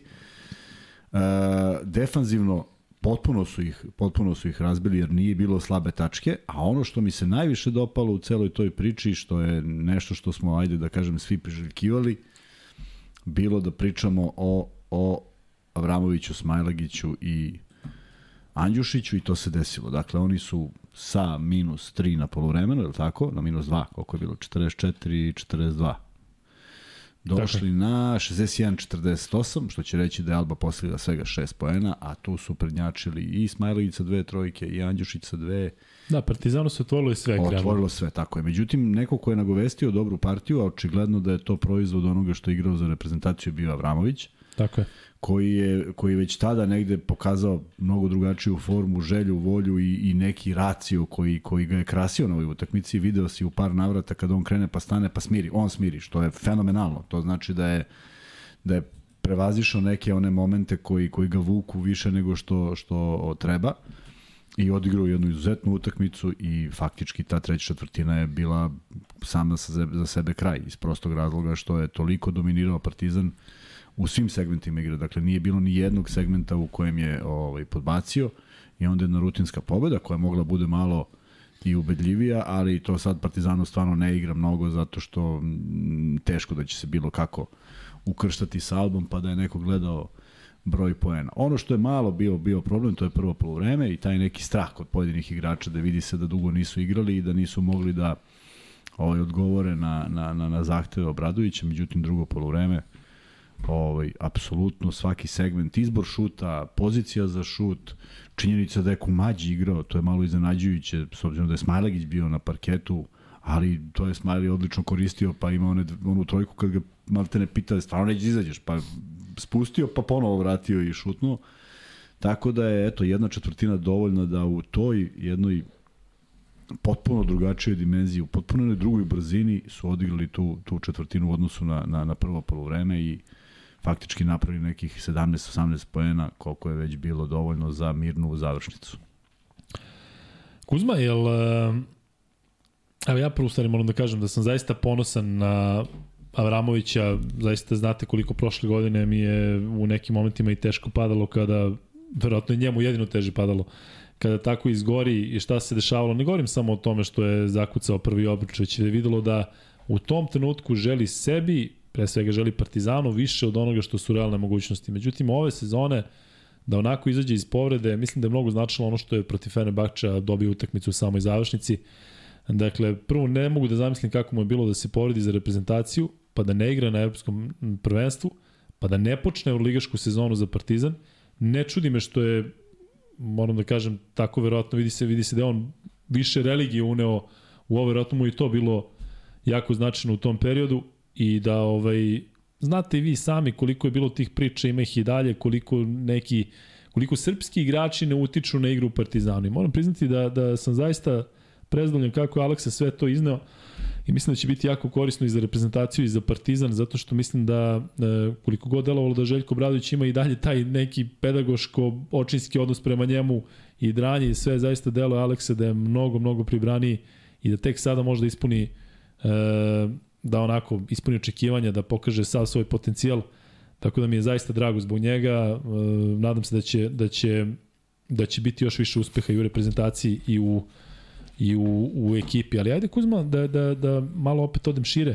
Jel smo očekivali možda i od nekih igrača Zvezde da na krilima reprezentacije... Da, da, jesmo. Jel jesmo. tako? Pa je, ali vidi, ja i ja... Ali al, pazi, gurneš i Argentince u vatru, ovaj nije igrao, ovaj je tamo igrao i pukao i sad ti očekuješ da oni posle tri dana ne znam šta rade. Pa Imaš nemaš- Petruševa koji je tamo slavilo se, mislim, ipak si napravio veliki uspeh i dao, dao svoj učinak, dao svoj pečat tom uspehu. Sve stoji, sve- Dobrić. sve stoji, ali ipak Mitrović. je drugačije, ipak je druga, da. Pa i dobro, Mitrović je nije loše odigrao, Dobrić je počeo utakmicu, pa prosto nije išlo. Avramović je to uradio kako treba i bio najkorisniji igrač u prvom polovremenu, ali možda je to njemu više trebalo, možda mu više prijelo. I mora znaš jednu stvar, veća, velika je razlika kad si ti u posedu lopte i te urodiš neke dobre stvari i zadovoljan si svojom igrom zato što si dobro, dobra rešenja našao, nego bilo koji drugi igrač. Šuteri koji stoje u ćošku dobijaju loptu da šutnu i da pogode. Oni mogu da budu zadovoljni pogodkom ili ne pogodkom.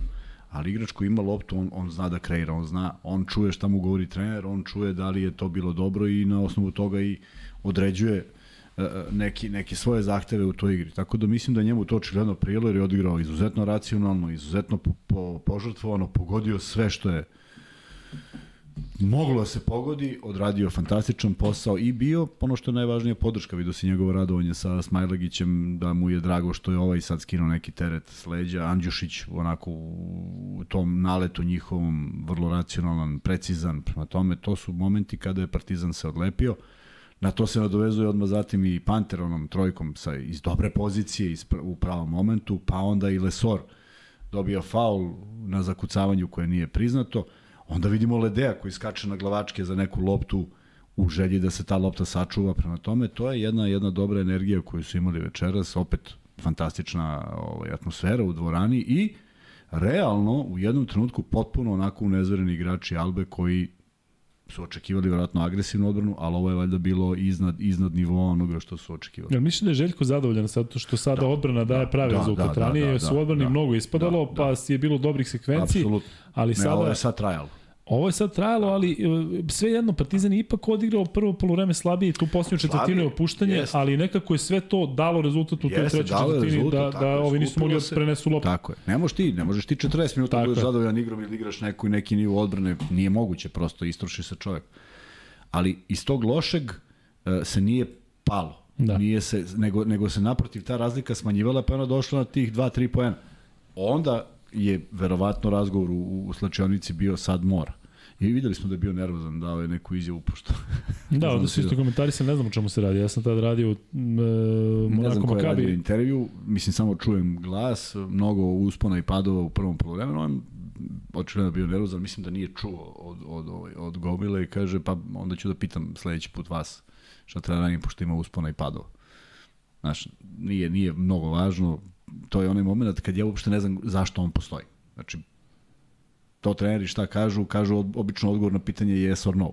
Pa, Tako Zašto da, on tako postoji da, misliš na intervju? Mislim zašto postoji intervju. Da, Da, da. ti si u nekim razmišljajima, nešto ti se ruši ti se neki plan i ti sad kao daješ neku smislenu izjavu. Tako da je ispalo baš bez veze, ali ovaj ali nije važno, važno je da je Partizan ovaj bio potpuno drugačije pripremljen za to drugo poluvreme. E, Gabriel Omar Batistuta ponovo donira, ti ćeš Burazeru da odeš u, u ozbiljan stečaj kao fizičko lice. E, kaže, kako će Partizan da brani Tavaresa, ovo je interesantno. Slušaj Kuzma, Da. znam da igraš, da igraš igram soliter. Aha. Kako će Partizan da brani Tavaresa ako je ovoliko muka bilo sa Koumađijom? Smajli kao da je zagrađivao zid u nekim trenucima. Jest, Zaista jest, Koumađi kao visok jest. igrač je pravio previše problema za igrača njegovih dometa. Tako? Samo, samo zbog visine. Jeste. Ali, ali potpuno od udara i ima one, one scene kada Smiley usviraju faul. On deluje kao crtanom. Naslonio se na njega i gura, a kao da šlajfuje, jer ne može da ga pomeri. Međutim, mnogo je brži i svako to izvlačenje na, na, na, na, na post, na, na nula stepeni je bio koš. Jer Kumađe to ne može da prati. I mene iznenadilo da je Kumađe na parketu, iskreno govoreći, jer protiv Zvezda uopšte nije bio nešto preterano na parketu, niti je bio tako nešto važan u celoj igri, ali ovde su valjda mislili da će nešto time dobiti, međutim, zaista u energiji koju je izašao Partizan večeras to nije bilo šanse.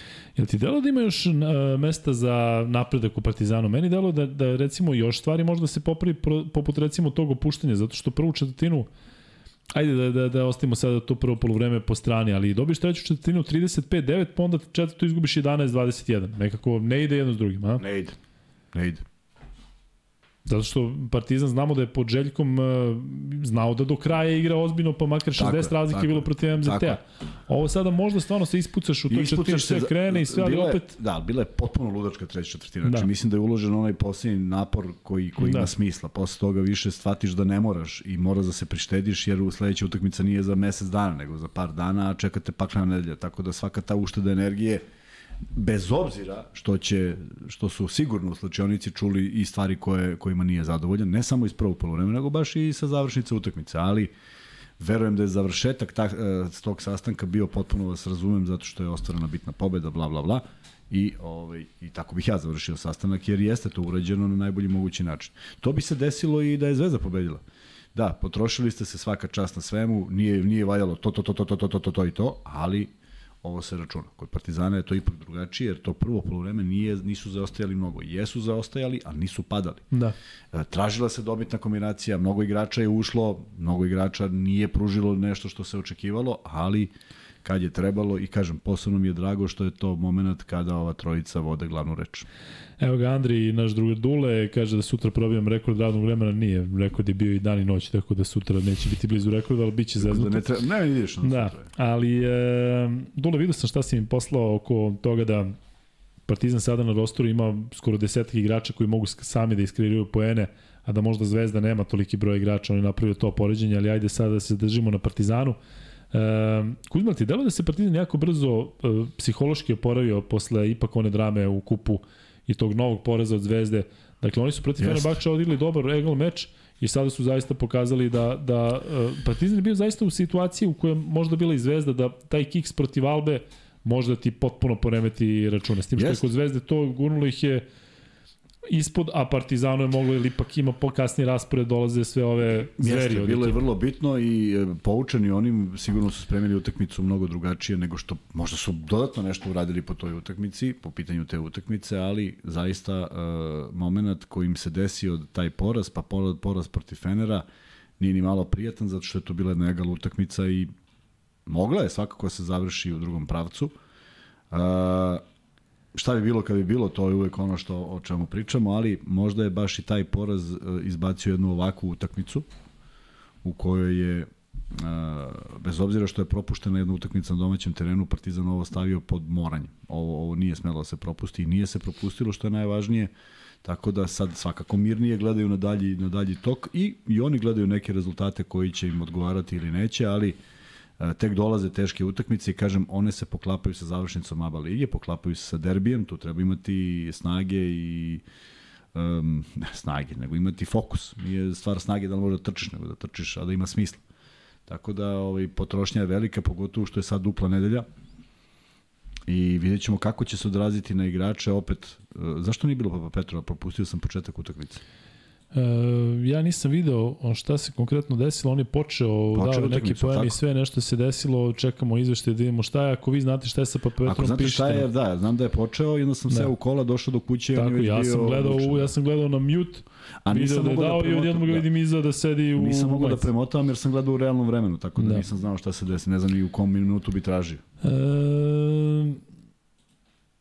Kuzma, ti Partizan deluje kao ekipa koju ne, ne fali više ništa u smislu pojačanja. Očekivali smo možda da se pred, koliko je, prošlo dva dana, nekoliko dana od tog e, prelaznog roka, odnosno kada je zaključen prelazni rok, kada je zatvoren, Jesi očekivao možda da će Partizan odreagovati ili ovo sada ekipa koja deluje kompaktno i koja ima sigurno za, za velike domete? Ne deluje još kompaktno. Sad ću ti reći zbog čega, zašto nema Nanelija danas, Nema Papa Petrova. Komentarišu ovde ljudi pa, da, na Ja ne znam šta se desilo, mislim, to je sad negde, negde naj, najstabilniji od, od njih bi trebalo da pa, bude. Pa dobro, zar ne može, zar ne može sebi da dozvoli i neki može, pad? Može, Ako smo mogli do sada da padne naravno, prošli put ma, i da upropasti utakmicu protiv okay, Albe. Sve je okej, okay, nego, nego je to samo još dodatna snaga Partizana. Dakle, ovde, ovde su sada svi oni, ajde da kažem drugopoziciji, ljudi koji ulaze sa klupe, odradili dobar posao.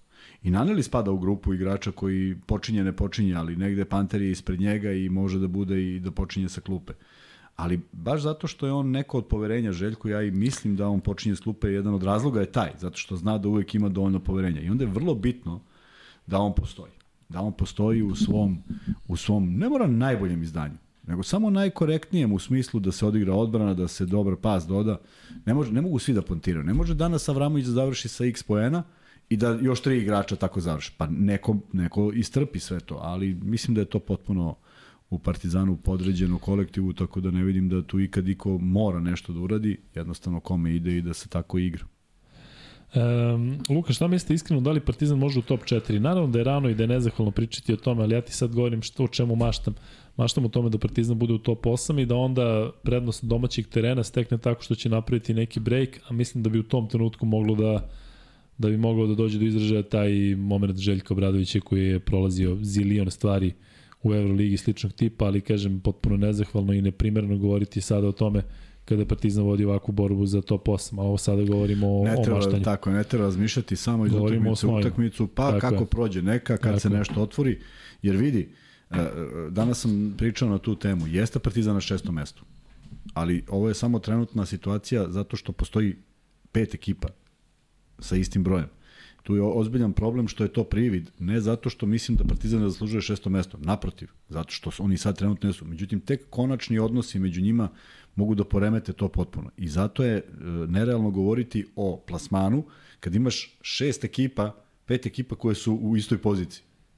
A tebe sad trenutno održava samo malo veći broj poena. Tako da treba biti oprezan e, baš zbog toga da ne, se ne diže euforija, e sad šesti, zato što jesu ali, ali od toga Željko ne pravi spektakl. On hoće da ide dalje. Ako može da ide do četvrtog, iće do četvrtog.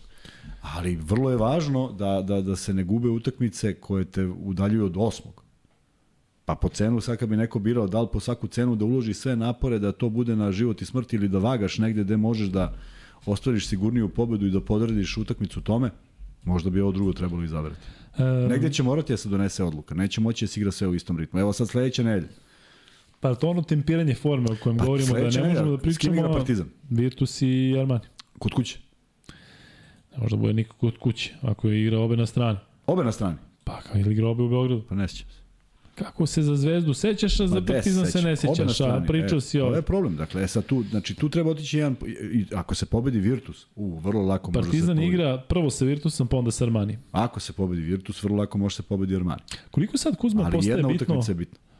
E, koliko postaje bitno sad taj međusobni duel sa tim ekipama, pošto kažeš svi sad i toliko ima timova od tako je, pete sada, do, tako do ovog. Tako je. Sada, jel, o tome sada treba Virtus, dodatno razmišljati? Sada Virtus mora da se juri, jer je Virtus na dve pobede iza. Ne znaš šta te čeka. Dobro, ali ako si na tri pobede u plusu i dobiš ih tamo, onda valjda neće u nekom trenutku da bude ne, bitan te Ako ih pobediš tamo, naravno, šta te briga da. za odnos ako si ih pobedio tamo, da. ali govorimo o nekome ko ti je trenutno, znači tu su Žalgiris i tako dalje, ti koji su bili do juče, do danas, koji su bili u istom broju pobeda. Sa njima, sa nekima većima Partizan bolji odnos. Prema tome treba voditi računa o narednim utakmicama tih ekipa. Mm, da. E, prešao bih na igrače Kuzma ako nemaš ništa protiv. E, Ajde, Tristan Vukčević igrao 6 minuta jest, i dalje kod njega delo da postoji neki grč Jeste, koji, nije, nije, nije slobodan. Koji da. je, da, vidio si onaj faul i nekako i kretanje i sve. Jel uh, očekuješ da se recimo kod njega samo to odjednom otvori kao kod Uroša Trifunovića koji je do duše sad opet u nekoj u nekom problemu sa, sa, sa videli smo koliko može, sad opet i manje igra, ali jel očekuješ od Vukčevića da bude neki faktor u nastavku sezona? Uh, ne. Dolaze najvažnije utakmice. Ako ga nismo videli do sada u nekim utakmicama da je bilo Misliš da ne može to da ga pokrene sada i da ga... Da, da ga... Teško. Dobro, Zekle Dej, moj omiljen igrač u Partizanu, 13 poena, 5 od 7 za 2, 0 od 3 za 3, 3 od 4 sa penala, 3 skoka, asistencija, 3 ukradene, Zekle Dej je pokidao i danas, taman radi ono što treba da radi Zekle Dej 34 minuta, danas igrač sa najvećim minutažom. Kuzma, imaš nešto da dodaš? Ne, odlično. Aleksa Vramović 19 poena, 5 od 7 za 3, 2 e, od 5 za 2. Zaista deluje da je na krilima ovoga što je uradio i za reprezentaciju. Da Tako da, je, da, je, da, ne, mogu misliti kako je njemu večeras. Dakle, ja čekam da ga vidim ovde, doći u jednom trenutku sigurno. Dakle, on je bio naj, mislim da njemu ne znači toliko da je bio najefikasniji, ali u pobedi reprezentacije je dao zaista bio je lider i sad u pobedi Partizanu u Euroligi 3 dana posle, koliko dana posle je bio opet lider. To mora da je fenomenalno osjećaj za momka koji je počeo sezonu gledajući drugi kako igraju sa Gipsom, propusti evropsko prvenstvo, opet se vraćam na to, kažem, kako je mentalno ovo sve izvukao, da, da, da. zaista svaka mu čast. Sreli smo se na, na jednom, uh, upoznali se na jednom humanitarnom događaju za neke volontere, prošlog leta gde su bili oni i Stefan Lazarević, ovaj, momak je zaista fenomenalan i njegov brat je prišao i rekao kako gleda podcast i kako kako će doći, tako da čekamo Aleksu. A što se tiče Kevina Pantera, Kuzma danas 16 pojena, ali ti dalo da, da su njegovi šutevi sve racionalni? Jesu. Jesu, igra mu je racionalno, čeka svoj moment, ne juri loptu, tako. ne ide po svaku cenu, ne digne 2 šut. 2 od 4 za 2, 2 od 5 za 3, to je taman kako treba. Tako. Ne ide, ne ide kad ovi svi prave kretnju, a on šutne. I onda vidiš da. ovako, dvojica izlaze iz reketa na levo, a dvojica na desno, nikoga na skoku. Nego jednostavno sačeka pravi moment i onda video si u jednom momentu, on daje trojku, u sledećem napadu je faul nad njim, on ima dva besplatna slobodna bacanja. Dakle, to je već 5 poena, nije iz čega. Ej, da, da. 20 sekundi je prošlo. Prema tome, samo strpljivo. Ajde ovako, kada dođemo do 750 lajkova, pucamo uh, partizan, free bet o Partizanu i onda ćemo posljednji u nekom trenutku, pošto im da ste slabi na lajkovima danas, Omar Gabriel Patistuta kaže, ješ pare kad pogodiš igrače plus, a i draže mi isto da dam nekome kome je potrebnije pozdrav za Veljka Cavu, jednog čoveka koji provlači loti karticu kladionice kao sezonsku kartu. Dobro, e, hvala tebi Gabriele što malo malo pa ovaj, se javiš na ovaj način. Ali e, čekamo 750 like pa ćemo onda da ispucamo drugi free bet. Uh, sledeći igrač o kojem ćemo pričati, moram to da kažem bar jednom. Moraš bar jednom, tako je. Da, Jalen Smajlagić, dakle dao je te dve trojke. Jest. Jel Borio da... se, tuko se, uradio Jest. dobru stvar. Nije štirao za dva, što je meni jako interesantno, do duše igrao je malo neki desetak minuta, ali to uloga koju Smajlagić treba da, da ima. Tih neki desetak minuta da uđe, da pokida, eventualno postigne neku trojku ili od njega možemo da očekujemo više? Uh, od njega možemo da očekujemo više onog momenta kad on, verovatno, ja sad pretpostavljam, pruži više na treningu. Tako mi deluje. Kom nema, treningu Kuzma, gde ima treninga danas u ovom ritmu? Nema veze, na kom god hoćeš treningu, gde on ispuni neke zahteve koje je stavio Obradović. Ali ja stvarno, je... izvini, razmišljam, zamišljam treninge, zaista da se sada rade kretnje, da tu nema nekog zapenja, ne, nego ajde da vidimo, skautiramo. Pa ne može, pa kad? ne, ne, ne treš, pa kad, kad god, ali ne treš, ne može da traješ, prosto treba ti intenzitet, da. ne može trening da bude, aj sad kao mi pričamo i teoretski kako bi trebalo da se trenira. Tako da hoću da kažem da sigurno se rade neke minijature, ako ništa drugo radi se 2 na 2, da radi se 3 na 3. E tu moraš da uradiš neke stvari da bi zadovoljio ono što traži trener u smislu uh, najboljih uh, najbolje odbrane, najboljeg zatvaranja, najboljeg ovog, najboljeg onog.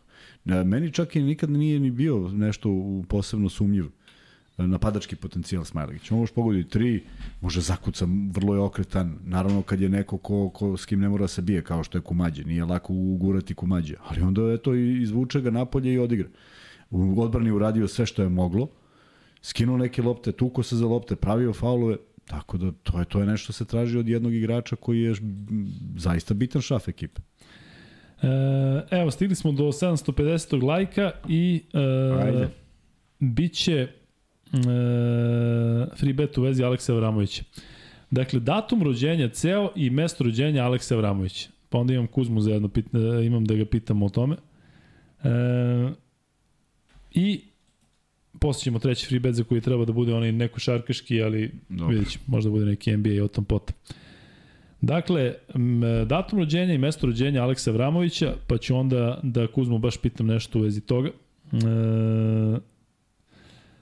čekamo da izađe, da se pojave odgovori za drugi free bet. I dalje Kuzma ima preko 3000 ljudi u live, ali imaš neki, neki strah? Tremu neko da imaš? strah, nemam nikako. Da, ti si danas gostovao ovamo, pa ti baš bi... Mislim danas 150.000 ljudi gledalo. Danas, a? 25. Samo oktobar, danas. 94. 28 godina Čačak. 1994. jeste, 25. oktobar jeste, jeste u Čačku, Milan Jovanoviću, šalješ e, free bet e, ID, maxbet ID na lukajkuzme.gmail.com. Miksa, možeš da staviš, molim te, pol, dakle, neko pitao je ovde Stefan ranije, da li hoćemo u martu da imamo, da svako ima u martu po jedan free bet, ili da bude opet na nedeljnom nivou po jedan free bet. Dakle, stavi ovako, pitanje je sledeće. Da li želite da pojedinačni free bet bude ograničen na nivou nedelje, nedelja je prvi odgovor, meseca drugi odgovor. I stavi u zagradi meseca marta. Dakle, e, u tom slučaju ćemo, ako imamo sledeće nedelje pet, pet e, podcast, znaš da sledeće nedelje radimo svako večer? Ne znam. Da, ja ću da radim, vidim da ti si sad već ovaj, posto zvezda, posto zvezda, ovo, kako zove ovaj show, Gde si bio? Smemo da kažem, ovde ljudi već pišu da znam, da znaju. Pa ako znaju šta onda ima da im kažem. Kakav čovjek je, koji neki njegove taj, tajno sve nešto u nekim šiframa.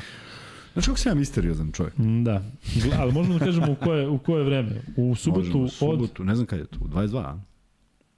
U subotu uveče na, na, ne znam, ko beš? Noves? Ne znaš? Ne Noves. Evo sad radim nešto. Mora da je nešto mnogo bitno. E, da. Mm, e, da ti pitam za Avramovića, da li misliš da ima veze e, to što je Željko ima poseban odnos prema njemu, to što su bojice iz Čačka? Misliš da gleda ko svog, ono, ko klinca iz kraja, kao, kao nekog, ta neka veza, obojica su, verovatno imaju neke priče. Mislim da dodatno želi da uspe. Mislim da postoji... Željko Bradić želi da, dodatno uspe da, da, ovaj dodatno uspe, da je video u njemu, njemu neki potencijal, da, da ovo kad se kad viče na njega i kada, kada dobije onu boju lica, da je to iz nekih pobuda koje su zaista dobre, najbolje, u smislu ne želi da ga omalovažava ili da neko vidi da on baš gleda u njega. On gleda u njega da bi promenio to i eto uspeva da promeni i ajde da vidimo da li Avramović menja to ili ovo samo stice okolnosti dve utakmice koje su ga podigle.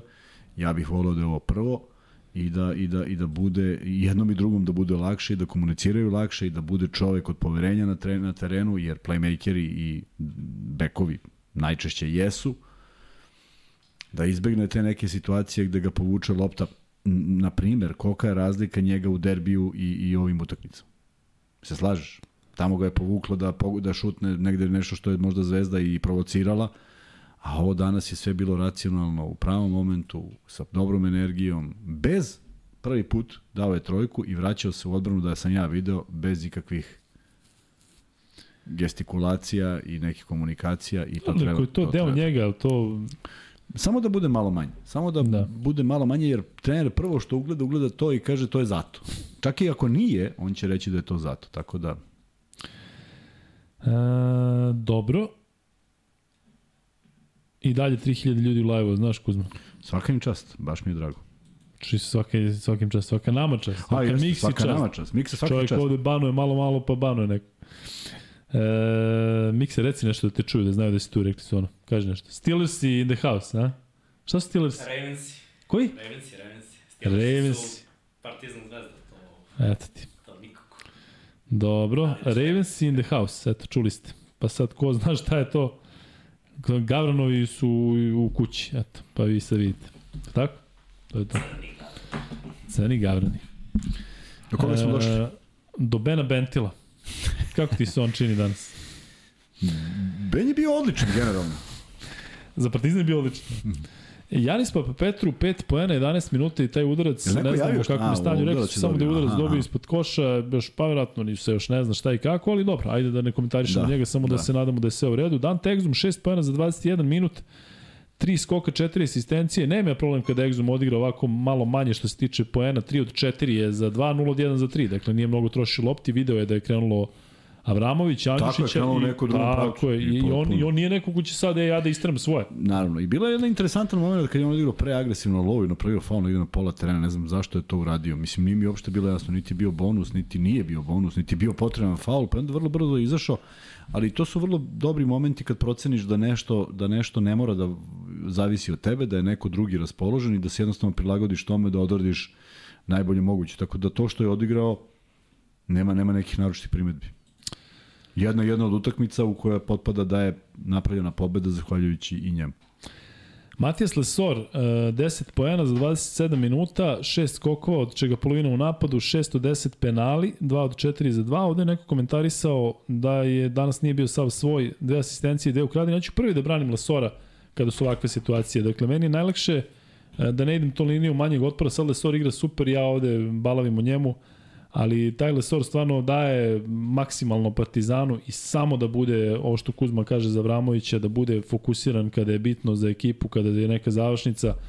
I mislim da ako Partizan dođe u top 8 ili već gde dođe, mislim da apsolutno ima šansu da bude MVP lige, potpuno zasluženo, samo je bitno da ne izgori, zato što je jednostavno luda glava, kada to kažem mislim u pozitivnom smislu, a to treba kontrolisati u završnici, nagledao sam se i na radio mečeva, na komentarisao, gde sam video i u Monaku i u francuskoj reprezentaciji e, i ono malo što je nešto tu probao za Makabi, gde jednostavno vidiš da možda dečko nekada ima preveliku želju. A u Partizanu mislim da ima posebnu želju i veću nego inače i da ta njegova emocija dolazi do izražaja zato što se očigledno povezao sa klubom, sa navijačima i da sve onako shvata preuveličano, da mu svaki koš znači, videli smo pogodi danas drugo slobodno bacanje i nešto napravi neku grimasu kao da je kraj sveta, verovatno zašto je promašio prvo ali polako. Dakle, nije on više mlad, nije on klinac, dakle, Ako Vramović može da iskontroliše emocije, mora i Lesor zarad ekipe.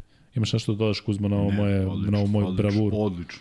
Da, ništa ne bi menjao, moramo za shorts da, da skinemo. Šal na stranu, zaista Lesor samo da ostane zdrav i da, da Partizanu daje ono što je potrebno i da u završnicama bude kakav treba i bit će to okej. Okay. Uroš Trifunović, je li ti iznenadilo Kuzma što Uroš Trifunović sad igra manje ništa nema tu šta kome da se zameri, da je neočekivano, očekivano, očigledno da je u onom trenutku kada je bio potreban ekipi davao maksimum, sad igra manje. Tako je, tako I to je to. Se, I to je njegova uloga, tako prihvati to. ulogu. 2 da, minuta, 2 minuta, ulogu, 30 tako minuta. To je, to je glavna stvar da Izvini, ti prihvatiš... koliko se menja to iz utakmice u utakmicu u odnosu na protivnika? Uh, Ako vamo čuvaš dekolo, sad grizi dekolo 30 minuta, sad igraš protiv Albena odgovarati... Igračima u tim godinama, igračima tog profila, igračima koji su koji su dovedeni i tu su kao backup nekim igračima, menja se uloga. Prosto mora se promeni. Ovo je drugo kad Exum iz jednog koš getera pređe u nešto benigniju ulogu, zato što nekom drugom ide, a Trifunović apsolutno će dobijati zadatke koji su od utakmice do utakmice. I ono što će uvek imati slobodu, siguran sam da u dobroj poziciji šutne, da ode na prodor, da uradi bilo šta za sebe, za koš, ali neke stvari mora da radi i naravno će zavisiti od kompozicije ekipe i ako ti otvoriš utakmicu sa pet igrača ili promeniš još dva ili promeniš još tri i to sve funkcioniše, pa ne moraš nužno sada da ideš do devetog da bi probao i to, jer jednostavno to već daje rezultat. E, Danilo Andjušić šest poena, dve trojke, iz tri pokušaja, tri skoka, mislim da i on potpuno se utopio u ono što treba da radi za ekipu, tako spreman da ako je 13 minuta, 13 minuta, ako je 20 minuta, 20 minuta, a ako ne igra, ne pravi problem, Kuzma, se slažemo za Danila da, da i on Jeste, ima, ima dobru rolu. Ima svoju ulogu. Tako je, svoju ulogu. Ta uloga nije ona koju smo mi očekivali, koja on očekivao, ali je bitna. Tako, tako je, tako je. Dolazimo do Jama Madara, 7 poena, 5 asistencija, 2 skoka, verujte mi ljudi, niko više od mene ne želi da Jama Dar, da ne budemo u pravu za Jama Madara, odnosno da on postane jedan lidera Partizana tokom sezona. Očigledno da je i on shvatio šta može, koliko može. E, volio bih da vidim da igra još bolje u odbrani, da ne ispada toliko u nekim situacijama, zato što kao playmaker treba da daje e, ekipi, naravno on je motor ekipe i na toj poziciji koja je vrlo odgovorna, e, danas bez jedne izgubljene, sa nekih malo grešaka u smislu nekih praćenja igre i ostalog što je ponekad znao da bude problem. 22 minuta i više nego korektno, daje Bože da Madar igra još bolje i bolje. Dolazimo do Nanelija, 4 minuta, ljudi su se nešto upali u dramu kao da se ne znam šta dešavalo, ljudi dešava se, ko zna, ne znamo, ne znamo ne znamo ovaj uh, Evo, sad ću da baš odem malo daleko. Dakle, uh, Isaiah Cannon je odigrao jedan meč koji sam prenosio za Olimpijakos jako loše. Ja sam gledam šta mu je taj Isaiah Cannon ipak Ono bi čovjek bio, bio ozbiljno NBA ime i Unix su razvalio prošle sezone i ne znam drugo nešto mi je kao Canon ovo, Canon ono. Rekao da, nešto nije u redu. Izlazi sutra ili prekosutra informacija da ima kamen u bubrigu i da je morao, ne znam šta, da čak bude hospitalizovan. Ljudi, kamen u bubrigu, ko je od vas osetio? Taj samo zna koja je to drama. Meni se to desilo u kabini. Prenosio sam te, tenis Čilića i još ne znam koga. I odjednom mi je krenuo kamen u bubrigu, ne znam da se ti pričao, mm. a kako bre, nešto sam išao na urgenti, kako se nećeš, ne znam da smo to u stvari radili podcast. Mm. Ovaj, kako bre, ne znaš, je, znaš, pa posle... S, s, Želim da zaborim. a, stvarno ne znaš. Ne znam, aj. Šta je s ovim čovekom? Ma da, ti imaš 20 godina više od mene, pa si zaboravio. Meni ovo sve upamćeno, znaš kako. Ovaj, ja ne mogu da vam objasnim kakav je to i kakav je to bol. I e, ja sam se bukvalno previjao tamo u urgentnom centru i nađem nekog doktora Šabana koji kao, e, imaš da čekaš 4 sata, katastrofa. I onda dođem kod neke doktorke, dali su mi nešto za smirenje, nešto protiv bolova. I dođem kod doktorke, ona kaže, vidi bre, koliki si konj, 2 metra, bre, šta se tu previjaš? I onda mi radi ultrazvuk i kaže, sine, izvini, molim te, tebi ovo što se tako zakačilo, to se zakači ne znam u jednom koliko, ne znam kako si ti živ. Meni oči spadaš. Ma ne može da veriš. Tako da, Isaiah Kenan je imao kamenu bubrigu, sada dajem, dajem primjer, ali ne možeš da kako sam radio taj, taj prenos. Dakle, Čilić je 2-1, završeno, pap, aaa, vrištim i onda kad se vratim u prenos, profesionalno sve sve, odličan backend. I da onda da ne mi se navijaš, da ne mi se navijaš za Čilić. Majko, a, a znaš iz koje poze radi, ne možeš da veriš. Ali, ovaj, e, dajem sad banalan primjer, možda ne znam, možda Naneli ima neki pro, problem psihički, fizički, kao što se rec, smo recimo nagađali svi za Vildosu, zašto je pao u onom prošlom meču. Nije se sad, ne znam kako podigao, i da je Bože da to ne bude hronično, ali nikad ne znaš bre Kuzma šta je ljudima u glavi. Nekako deluje da danas u ovo vreme su mnogo uh, ranjiviji nego vi u svoje vreme. Zato što smo ipak svi, uh, nismo odrastali, ali smo prošli rat, prošli smo neke stvari. Danas deluje da može da te pokopa bre neka loša poruka što Bentil kaže nešto na, in, na Instagramu ili tako nešto da te totalno poremeti. Mislim da su danas mnogo izloženiji. Opet ima neki što treba ga banuješ. Šta ima? Opet ima neki što treba ga banuješ.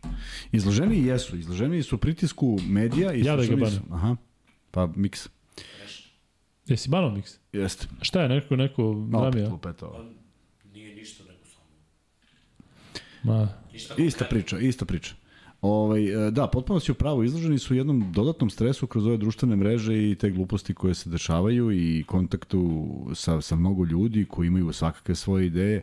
Prema tome, velika je razlika. Velika je razlika, treba razumeti, naravno, meni je dosta strano jer nije se dešavalo, ali imam, imam, imam ideju kako to može da izgleda i koliko to može čovjek da potone da pročita nešto o sebi, da, da sluša nešto o sebi, što nema veze s mozgom, da bude izložen pritisku na koji možda nije naviku, kojem nije dorastao. A i mnogo je sada uh, lakše da, od, da upadneš u jednu ili dve ili tri utakmice drame kada igraš 100 utakmica tokom, tokom Jeste, sezona. Tako. jeste. Nije A- moguće da igraš na istom nivou. Nije, nije, nije, nije, nije Tako sigurno. da ja sam siguran da će Naneli biti odličan kada to bude potrebno. Dakle, videli ste šta može, znamo svi šta može i pre nego što došao u Partizan.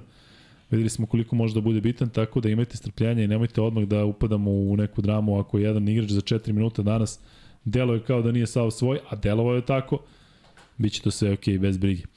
E, to je to što se tiče igrača Partizana Kuzma, što se tiče Albe, ili imaš nešto da kažeš e, u odnosu na taj meč protiv Zvezde, ovo danas protiv Partizana, to je ta Alba, je tako? Može da odigra, da, da pobedi bilo koga, može da, da, da, da oscilira pet puta, da ide gore dole tokom meča, dakle ovo, ovo je ona Alba kakvu poznamo. Protiv Zvezde su jednostavno im se otvorilo, Tako je, otvorilo sve je se, krenulo, tako je. to je ta nezgodna ekipa, ali Jeste. danas ih i Partizan jednostavno... Jeste, jeste, jeste. Potpuno ih, evo, pa pogledaj samo Lo koliko nije mogao da se oslobodi od nekog da, da šutne u, u onome što je radio u Zvezdi protiv Zvezde, prema tome jednostavno velika agresivnost, e, mnogo kontakata, mm, sudije se nisu ovaj, oglašavale što se faula tiče, bilo je tu nekih spornih odluka u smislu nisu na vreme, nisu se dogovorili ko šta i kako, ali kada cela ekipa tako igra, to je ono što tvrdim, teško se sudi odlučuje da prosto to mu je onda jednostavno pogleda je dva igrača i vidi to isto i pogleda svih pet i vidi to isto i onda mu je to kriterijum.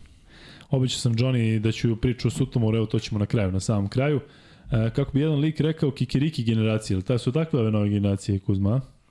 Kikiriki, da. tako, ne znam. Ove, e, dobri, što se tiče Partizana, dakle, zaista još jednom da pohvalimo, fenomenalna je bila utakmica koju su odigrali danas, vreme da se malo samo posetimo i tabeli, pa ćemo onda da prođemo i e, ono što čeka Partizan u narednom periodu, e, dakle, naredna nedelja naravno jako bitna, ali Partizan je dalje šesti na tabeli sa skorom 14-12, ono što je jako bitno, Kuzma, jel se slažeš, Partizan je bio u, u seriji tih ekipa sa 13 pobeda, sada se odvojio s tim što Efes, Baskoni i Valencija svoje meče igraju sutra, Da. ali za Partizan je dobro da je Žalgiris danas izgubio, da je Makabi danas izgubio, oni sada imaju 13-13.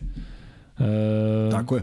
I Partizan je šesti, a ispred je Olimpijakos, Barcelona, e, Real, Monako i Fenerbahče. Fenerbahče koji je Eto koliko sad ta, ta, u stvari ta pobjeda protiv Fenerbahče koliko bi značila, sada bi Partizan imao Isti broj. e, 15 pobjeda, a je. Fenerbahče bi imao 14. Ali ne zaboravite da Fenerbahče ima da nadoknadi neke meče, vidjet ćemo kako će to izgledati u celoj toj drami, katastrofi i tragediji oko zemljotresa. Mislim da je Fenerbahče jednostavno šta su mogli. Mogli su da treniraju i to se jednostavno videlo protiv Partizana da su se zaista uigrali. Čekamo da Nemanja Bjelica se vrati, najavljeno da bi mogao da igra sutra protiv Virtusa, tako da biće zanimljivo. Moram da koji se sutra meč prenosi, mislim da prenosi Armani. Uh, Armani Olimpijakos, prenosim Armani Olimpijakos. Doćemo i do ovih mečeva uh, koji se igraju sutra. Ali što se tiče Partizana, dakle, e, raspored izgleda ovako. Partizan e, u ABA ligi gostuje Splitu. Pa onda, dakle, taj, e, ta nedelja gde gostuje Virtus i Armani. Što mišljamo, će iz, Splita da idu direktno u Italiju, a? Ili će da dolaze u Beograd? Mislim da bi bilo zgodno da odu Pa da. direktno za Bolonju. Pa da. Ode za, ode za Bolonju i ćao zdrav. Partizan Zvezda, derbi koji se igra 13. trećeg, da, Da, da, da, igra da, da. 10. trećeg. Da. Nema šanse da igra 10. trećeg je to. Dobro, 13. naredni vikend, Pa onda ide taj pakleni raspred Partizana. Gostuje Efesu, pa gostuju budućnosti u ABA ligi, pa dočekuju CDVita Olimpiju, pa dočekuju Olimpijakos, pa dočekuju Barcelonu, pa dočekuju Real Madrid, gostuju FNP-u, što znamo da tradicionalno nisu lake utakmice za Partizan, dolazi Igokeja, gostuje se Monaku, ide se u Zadar, dočekuje se Panathinaikos. Šta Partizan ima da prođe do sredine aprila, što bi Aleksa Avramović rekao, pomozi Bože. Jest, Je tako? jest. Ali mi je drago da Partizan deluje kao ekipa koja se pita. Ja sam siguran da neki od ovih ekipa, poput Olimpijakosa, Barcelone, Reala, Efesa tamo, svi ti velikani, da, da mogu da padnu Ma mogu da padnu svi, kraj priče. E, Kuzma, e, hoćemo da samo E, crna, crnogorska košarka, molim te. To mi nego smo završili Partizan. Jesmo. A, neverovatno je da su ponovo ovaj na svetskom prvenstvu i svaka im čast za, za sve što su izgurali u jednom jako teškom periodu u smislu koji njih pratio jer najbolji igrači su zaista uvek nedostupni.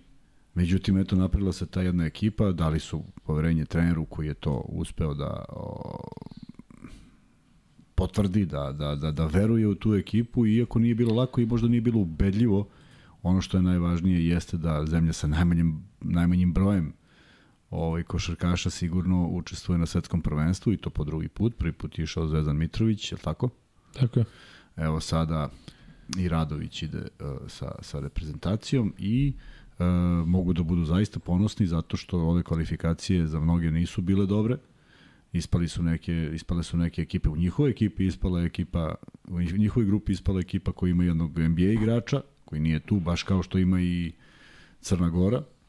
A, I Džanana Musu koji je ipak uh, jedan od opet najboljih igrača Reala i to je već dovoljno, dovoljna prevaga da na tim takmičenjima uvek budu ovaj, za, za koplje više. Međutim, evo ovoga puta u grupi Crna Gora ispred i zaista sve čestitke meni je drago zato što eto proveo sam tamo jedan lep period života i uvek mi je drago da prave rezultate i uh, da, da, da, da će ono što uvek mislim učiniti sve da potvrde da taj odlazak nije bio slučajan, verovatno žele da naprave malo više nego prošli put.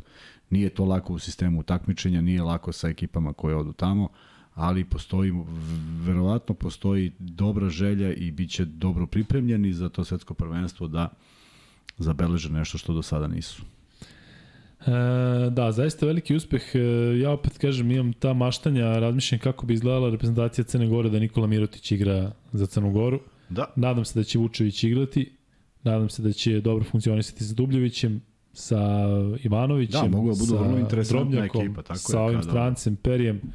To može da bude jedna ekipa onako baš, baš jedno prijatno iznenađenje. Tako je. I kažem još jednom sve čestike, prošli put smo stvarno zaboravili da, da ih spomenemo, ali zaslužili su jer su faktički uh, uz Srbiju, Slovenci, ili tako, oni su još treća reprezentacija koja je uspela to. Tako je, jel, kada pomisliš da recimo sa svetskog prvenstva dve najbolje plasirane evropske reprezentacije idu na olimpijske igre, jel misliš da možda postoji taj san da je realan da, da priđu olimpijskim igrama košarkaši Jako Crne Gore? teško, jako teško, zato U ovom što... sistemu, da, u ovom da, se igra dva puta Jest, šest, ono, 12 jest, ekipa iz celog Mnogo je sveta. teško.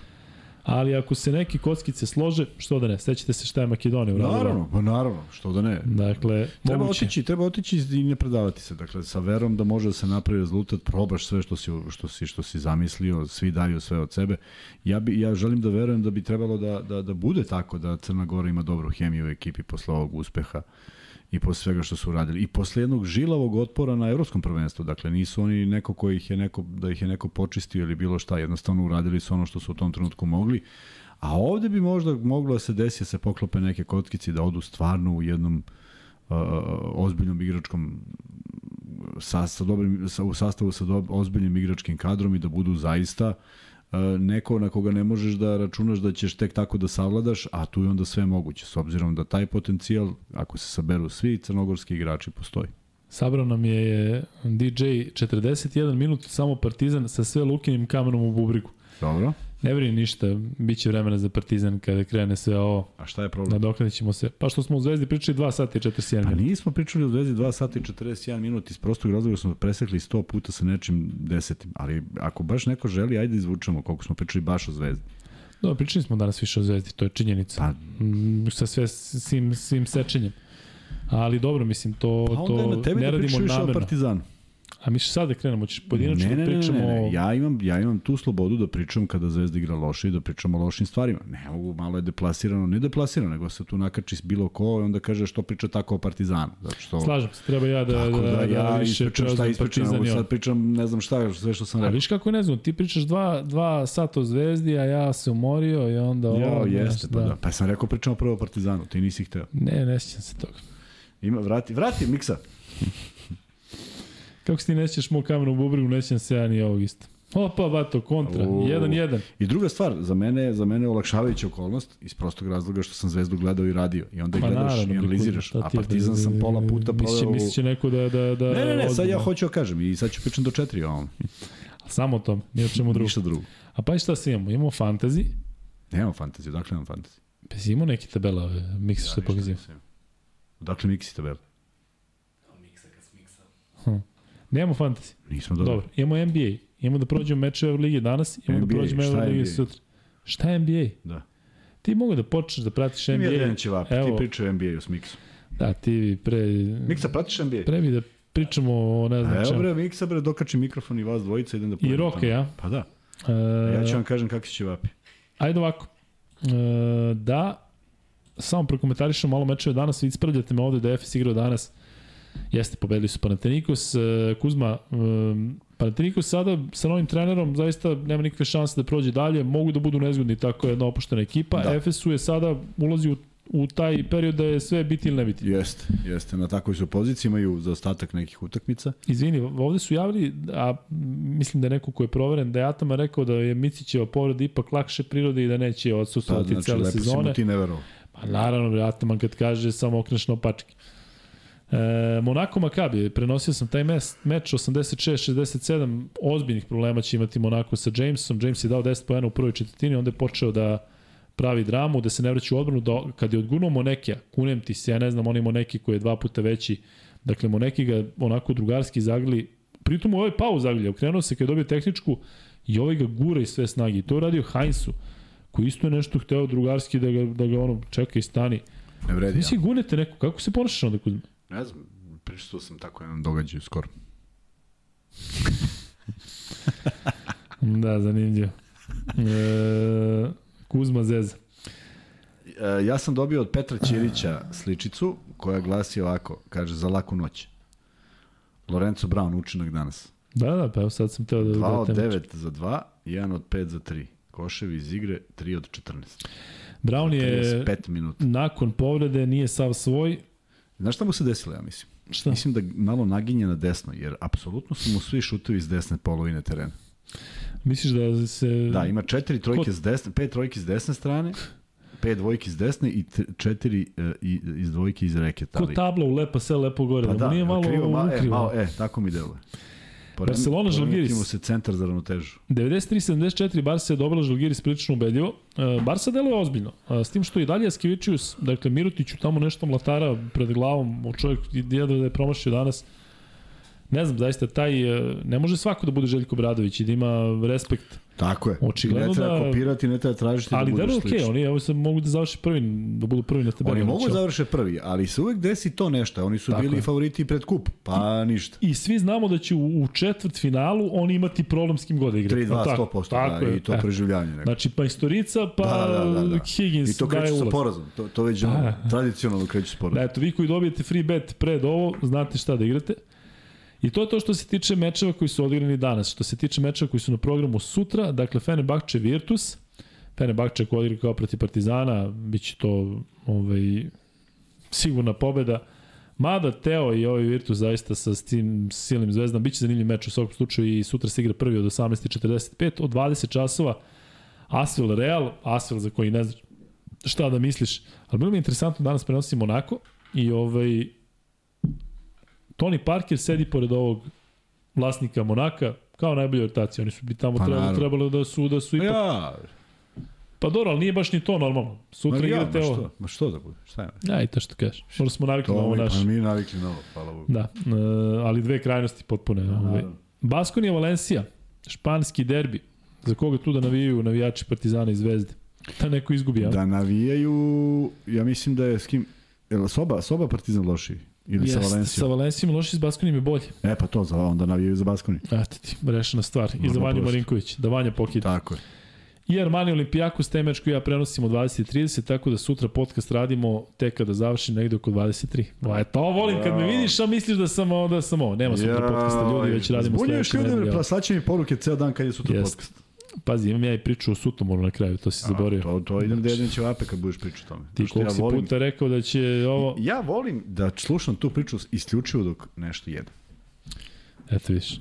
Slušaj ovo, momci, vaš podcast ima neki tok koji je normalan. Da ste pričali više o jednima ili drugima, realno nema veze. Nemoj da gubite energiju na nebitne stvari. Da, Aca. Ristić, kada Aca Ristić Aca to kaže, Aco, hvala ti puno na svim je donacijama i ono što interesantno, si, ne zašto ću nekoga da... ono što si poslao za Majstor. Maju, Aco, Majstor. Pokido si. A ja mislim i za malog Uroša. Ali bre, Aca je bre genijalac. I Ja se kažem rekao ti, kad odem u Ameriku, imamo da ja budem.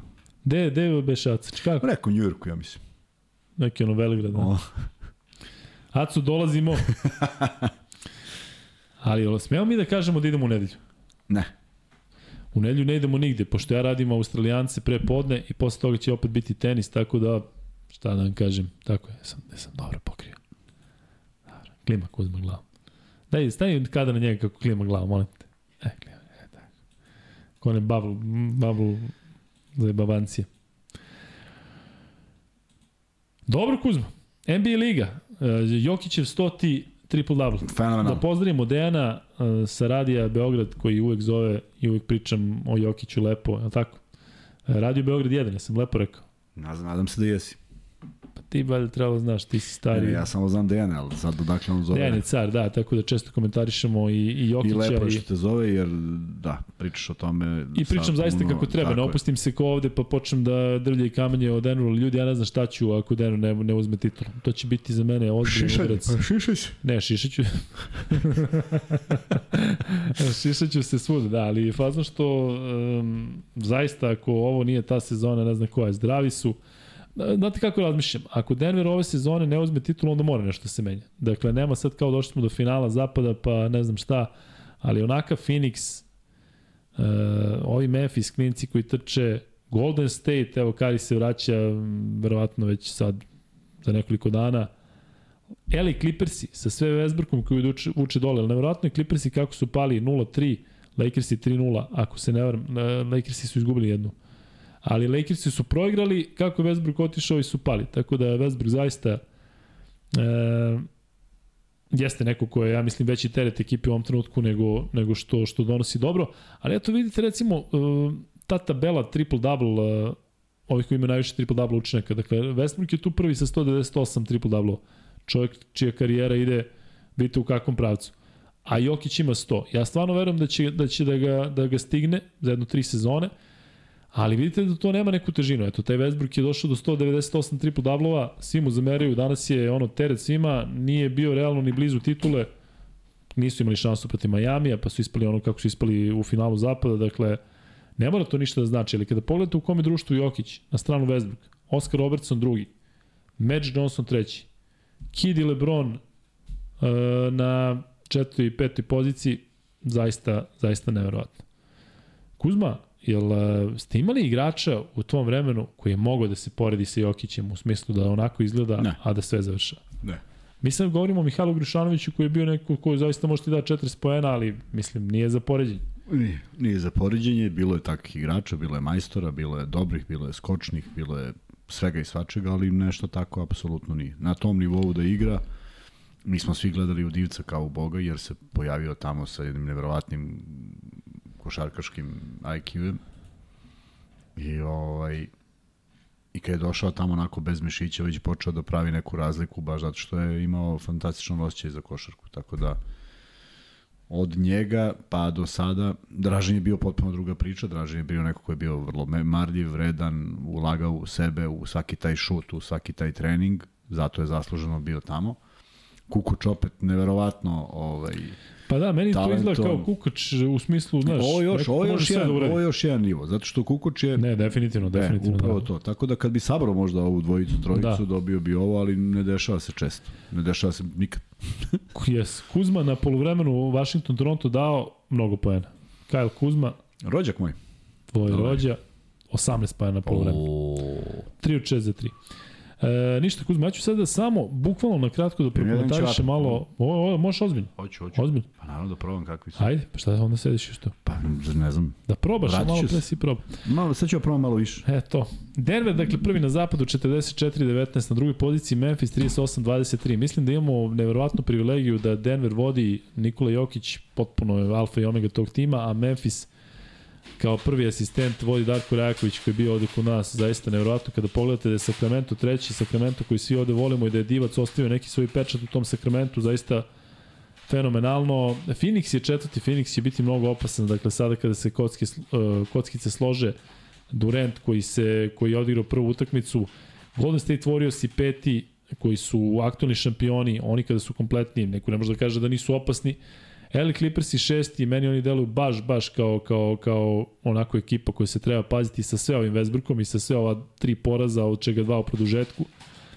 Mavericks i sedmi, čeka se da proradi taj tandem uh, Irving uh, Dončić, ja bih sve uradio, samo ne bih njih otpisivao. Dakle, ni jednog ni drugog, posebno ne u tandemu. Ja mislim da to kada krene, da će biti ludilo. Minnesota, tu ekipu ne volim, uh, Kuzma znam da ih obožava, ali ovaj Minnesota uh, sa Goberom, sa Edwardsom koji, koji je onako, vidjet ćemo ovaj, ovaj odlazak D'Angela Russella u Lakers-e, mislim kako će uticati na tim, ali da bi mogli da budu u play-inu, mogli bi sigurno. New Orleans Pelicans, znate koliko su pali, bili su u jednom trenutku prvi, sada su deveti, ali naravno na to utiče ta povreda Zajana Williamsona. Uh, deseti je Utah Jazz, uh, deseta ekipa sa Markanenom, uh, sa Clarksonom, sa reprezentativcima Finske i Filipina. I jednog i drugog ćemo gledati na svetskom prvenstvu, ali mislim da je bolje i za ligu i za sve da Lakersi dođu do te desete pozicije ili da Portland sa Lillardom bude u play-inu.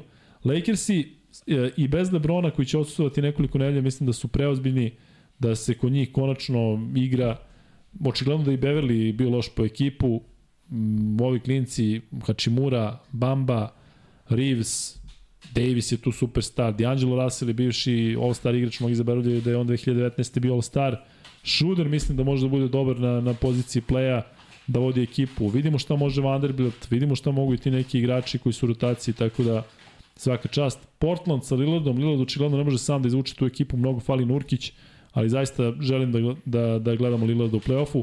Neko ovde napisao Oklahoma City će da čisti sve za dve godine ili za godinu dana, momci su neverovatni. Dakle, njihovi 28-34 neverovatno, pritom su u seriji od pet poreza, ali Gidi, Williams, šteta što nema Pokuševskog, Dakle, naravno, naravno uh, ima tu jedno 10 mladih igrača koji su dobri. Uh, San Antonio 14. Uh, Houston 15. Dakle, kako stoje stvari, tri ekipe koje će biti posljednje na tabeli, koji će se boriti za taj lottery pick su Detroit, Houston i San Antonio. Dakle, tamo možemo, na, na jednoj od te tri pozicije možemo da očekujemo Vembanjamu. Pišite nam gde bi volili da ga vidite od uh, ta tri mesta. Ja bih volio realno kod Grega Popovića da mu produži trenersku karijeru, da kaže, ej, zbog tebe ću da ostanem još malo duže.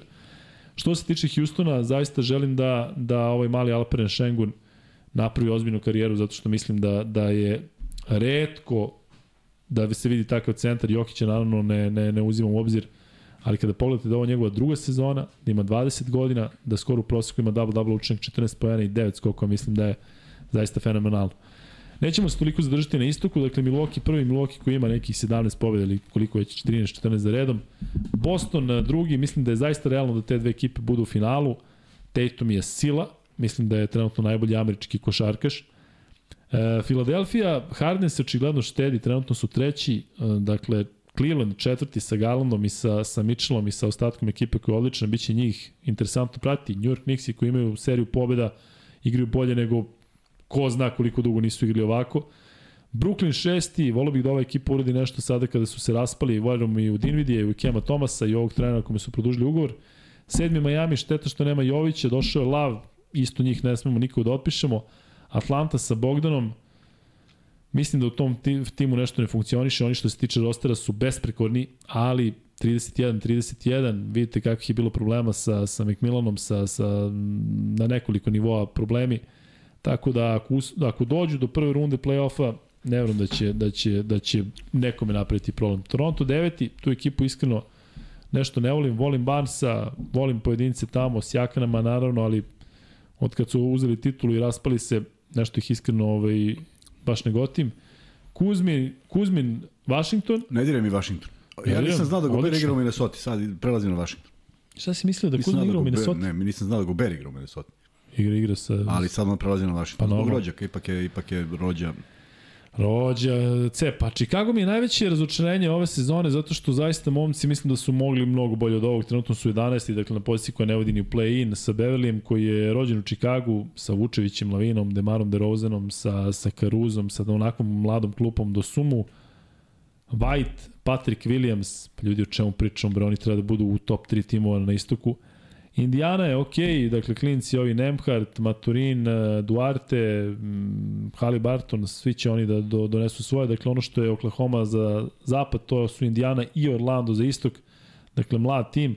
Vidim da Orlando ima mnogo promena, Bol Bol je počinje u petorici, sada ne počinje. Cole Anthony je bio povređen, on sa klupe daje nevjerovatno dopri- doprinos. Markel Fultz kroz celu se, sezonu i karijeru ima povrede i, i probleme ali naravno sve se vrti oko bankera i realno oko braće Wagner, uh, Franci je odličan, moj ovaj, takođe propustio evropsko prvenstvo, tako da, da, da i on vuče neku povredu.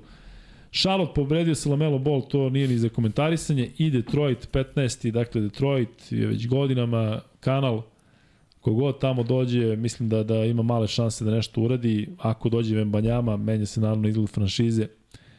I to je Kuzma to. Ajde da ispucamo treći free bet i da ja kažem malo ovo Sutomoru i te, ti odiviš ljude i da idemo da spavamo. pucaj. Australijanac počinje jako brzo. Hoćemo neko šarkaški da bude free bet? Ajde. E, dobro. Jel može za fanove Soprana? Može. Ajde. Ali Ajde. Da, to si ograničio ljude, znaš, znaš soprano. A ti kad, staviš babe, To svi znaju. si To svi ja znaju. ograničeni soprano, ali zato babe, to je... On. Stavi, e, stavi miksa, molim te, da vidimo šta kažu ljudi za ovaj pol. Koji sad? Pa stavili smo pol, da li žele pojedinačni free bet da bude na nivou Mm, nedeljima ili meseca. Nedelje, ok, onda će da bude nedelje, već smo jednom imali ovo i to je to. E, idemo ovako. Dakle, na prošlom Super Bowlu miksa, kada je bio onaj fantastičan halftime show, je bila jedna reklama. U toj reklami su bili Meadow i AJ iz Sopranosa, kao predstavnici, predstavnici nove generacije, to su Jamie Lynn Singler i Robert Tyler. I snimili su reklamu koja traje minut za jednu marku automobila. Kako se zove ta marka automobila? Kako se zoveš Tylerova žena? Ali znaš šta je, oni su, oni su uh, iskrili kao celu uh, špicu Sopranosa, samo što je ona na mestu Ćaleta pokojnog ovog Tonija, pokojnog Jamesa Gandolfinija i fenomenalno su radili David Chase koji je uh, osmislio seriju, je bio tu, bio je tu i reditelj, bili su ljudi iza kamere i fantastično, ajde sad kada neko ovaj, kada neko odgovori pa ćemo da imamo Chevrolet, jeste. Puno, puno odgovor je Chevrolet uh, Silverado, ali dobro. Matija, šalješ na luka i za vas koji niste videli tu reklamu, otkucajte Chevy Sil- Silverado, zaista kovali soprano se, ovaj, oduševit će se. E, I ono što možda neko nije primetio, dakle kada se njih dvoje zagrali na kraju, preko njegovog ramena je ona porodica Pataka. Znaš to? Ne. Kako, ne znaš? Pa ne znam, nisam gledao. Pa mora da gledaš. Što kao da je, ovaj, da je, kako, ali mi je pitanje Sopranova, pa ovo baš je za one koji, koji, koji prate. E, priča o Sutomoru je sledeća. Dakle, mi u Sutomoru imamo, uh, imali smo kuću, znači nemamo više, 90. godine, pa smo tu non stop letovali. I ovaj moj brat koji je preminuo pre sada već imamo više od mesec dana ja smo tamo letovali smo gotovo svake godine kao klinci sa roditeljima. I on je mnogo volao recimo da uh, sedne i da gledamo kako se igra u onoj osnovnoj školi, kako se igra futbal i tamo imamo pored košarkaški teren i kad god odemo u grad, tamo ne znam, ima onaj Luna Park, ne znam, to nam je bilo najzanimljivije njemu posebno, kaže da gleda kako igra kako igraju ovi lokalci futbal i tu ima svega i svačega i dranja i tuče i svega, ali se igra dobar futbal. I futbol nam je bio zanimljiviji nego košarka, a mogu vam reći da je posljednji put kad sam bio protiv jednog malog klinca sam igrao košarku koji igra za KK Sutomore i e, mnogo mi je bilo lepo. Ta kuća je, e, prodali su to odavno, moji, ovaj, moja familija, ali ovaj, baš sam otišao da vidim kako izgleda i mogu reći da se mnogo izmenilo, sve ono postalo baš komercijalno, ove palaže koje su nekada bile u tom delu Sutomora su bile divlje, divne za, za odlazak, sada je sve napravljeno prljavo je, bez veze, jedna plaža sa tim velikim tunelom gde, gde smo samo mi išli sada, ide milion ljudi. I to brdo, bilo je, bilo je tamo požara pa je sve svašta izgorelo, tako da nije Sutomor onako kako ga pamtim, ali sam prilično vezan zato što smo tamo išli svake godine, posebno sada kad se desilo ovo u našoj porodici, sada bi mi značilo, značilo još, još više kad odem tamo da vidim te neke detalje i zašto smo baš bili bezbrižni kao klinci u celom onom ludilu i ratu i svemu i svačemu. E, to je bio neki mir da odemo tamo i da budemo po mesec dana i tako. Kuzma, imaš nešto za kraj? Imam da se zahvalim da... uh, Nemanju Novakoviću. Na čemu? Opet neki dresovi, opet nešto iza leđa. Stefanu Jovanoviću, Dušku Petrušiću i Marku Milovanovu na, na PayPal donaciji. Hvala momci. Hvala puno ljudi. Mogli malo da reklamiramo to? Dakle, za Maju naravno možete za PayPal, samo naglasite da je za Maju, lukekuzma.rs, tamo možete da kupite sve i svašta što se tiče tih naših proizvoda. Deo ide u humanitarne svrhe i na kraju svakog meseca mi doniramo, do, do daljeg ćemo donirati dok se ne popravi situacija sa Majom i dok god traje njena borba, mi ćemo ovaj, te pare, pare da uplaćamo na, na, na tu adresu i hvala vam puno što učestvujete u tome. Možete nas podržati na Patreonu, možete nas podržati tamo još ima nekih načina, tako biš. Ima svašta nešto. Evo ga Dušan Krasmanović, kaže pomoć za Maju, Duks je odličan. Hvala Dušane i za Maju. Da, Duk, hvala Dušanu sam ostavio Duks na recepciji pa je podigao danas. E, eto, sjajno. Koje boje uz? Uzo je crnu. Fenomenalno. Da. E, I dobro, to je Kuzma to, tako sledeće nedelje, ne, ne radimo sutra, još jednom da kažemo, dakle sutra ne su sutra, nema ništa, sad. da, nemamo šta da pričamo. Ali Mi zaista imamo šta da pričamo, nego, Jeste. nego, nego je ovo bilo ovako malo produženo s obzirom da, da su i Zvezda i Partizan igrali. Sutra možemo pričamo o košarci, ali zaista nismo tali da da ovaj, pravimo i taj podcast, zato što nas čeka nedelja u kojoj će biti duplih utakmica, pa ćemo tu da isplaniramo šta i kako, a ja se nadam da ćemo ponedjak imati gosta i da ćemo time otvoriti sledeću nedelju. Hvala svima što su bili uz nas večeras, u velikom broju. Otko znaš, možda sam te lagao, možda, pa možda jesi, ako si lagao, ne znam.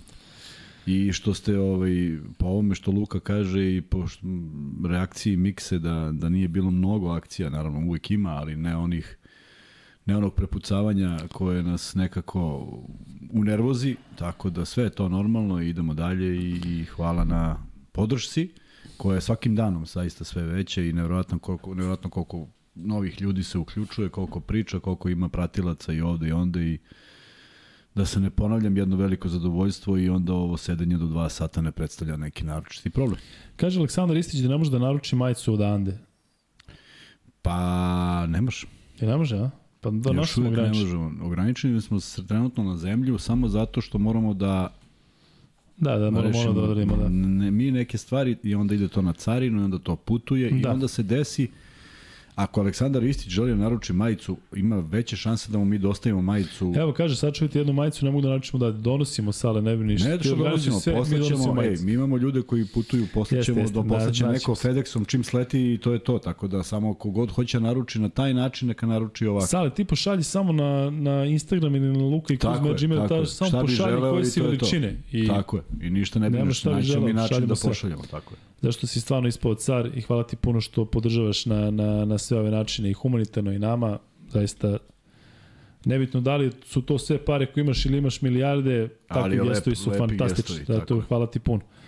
E, I to je ljudi to za ovo, za ovo izdanje 142. 143. u ponedeljak i još jednom da kažem, ne radimo u petak, sledeće nedelje radimo svako veče, a Kuzmu možete gledati u subotu, u subotu u 10 časova. U subotu u 10. E, Sigurno do 10. Nisam, ali mislim da jesam. U subotu uveče na jednom od kanala, kanala. kanala menjajte, imate samo hiljadu, da. pa menjajte. Eto, uživajte pa se vidimo u ponedljak.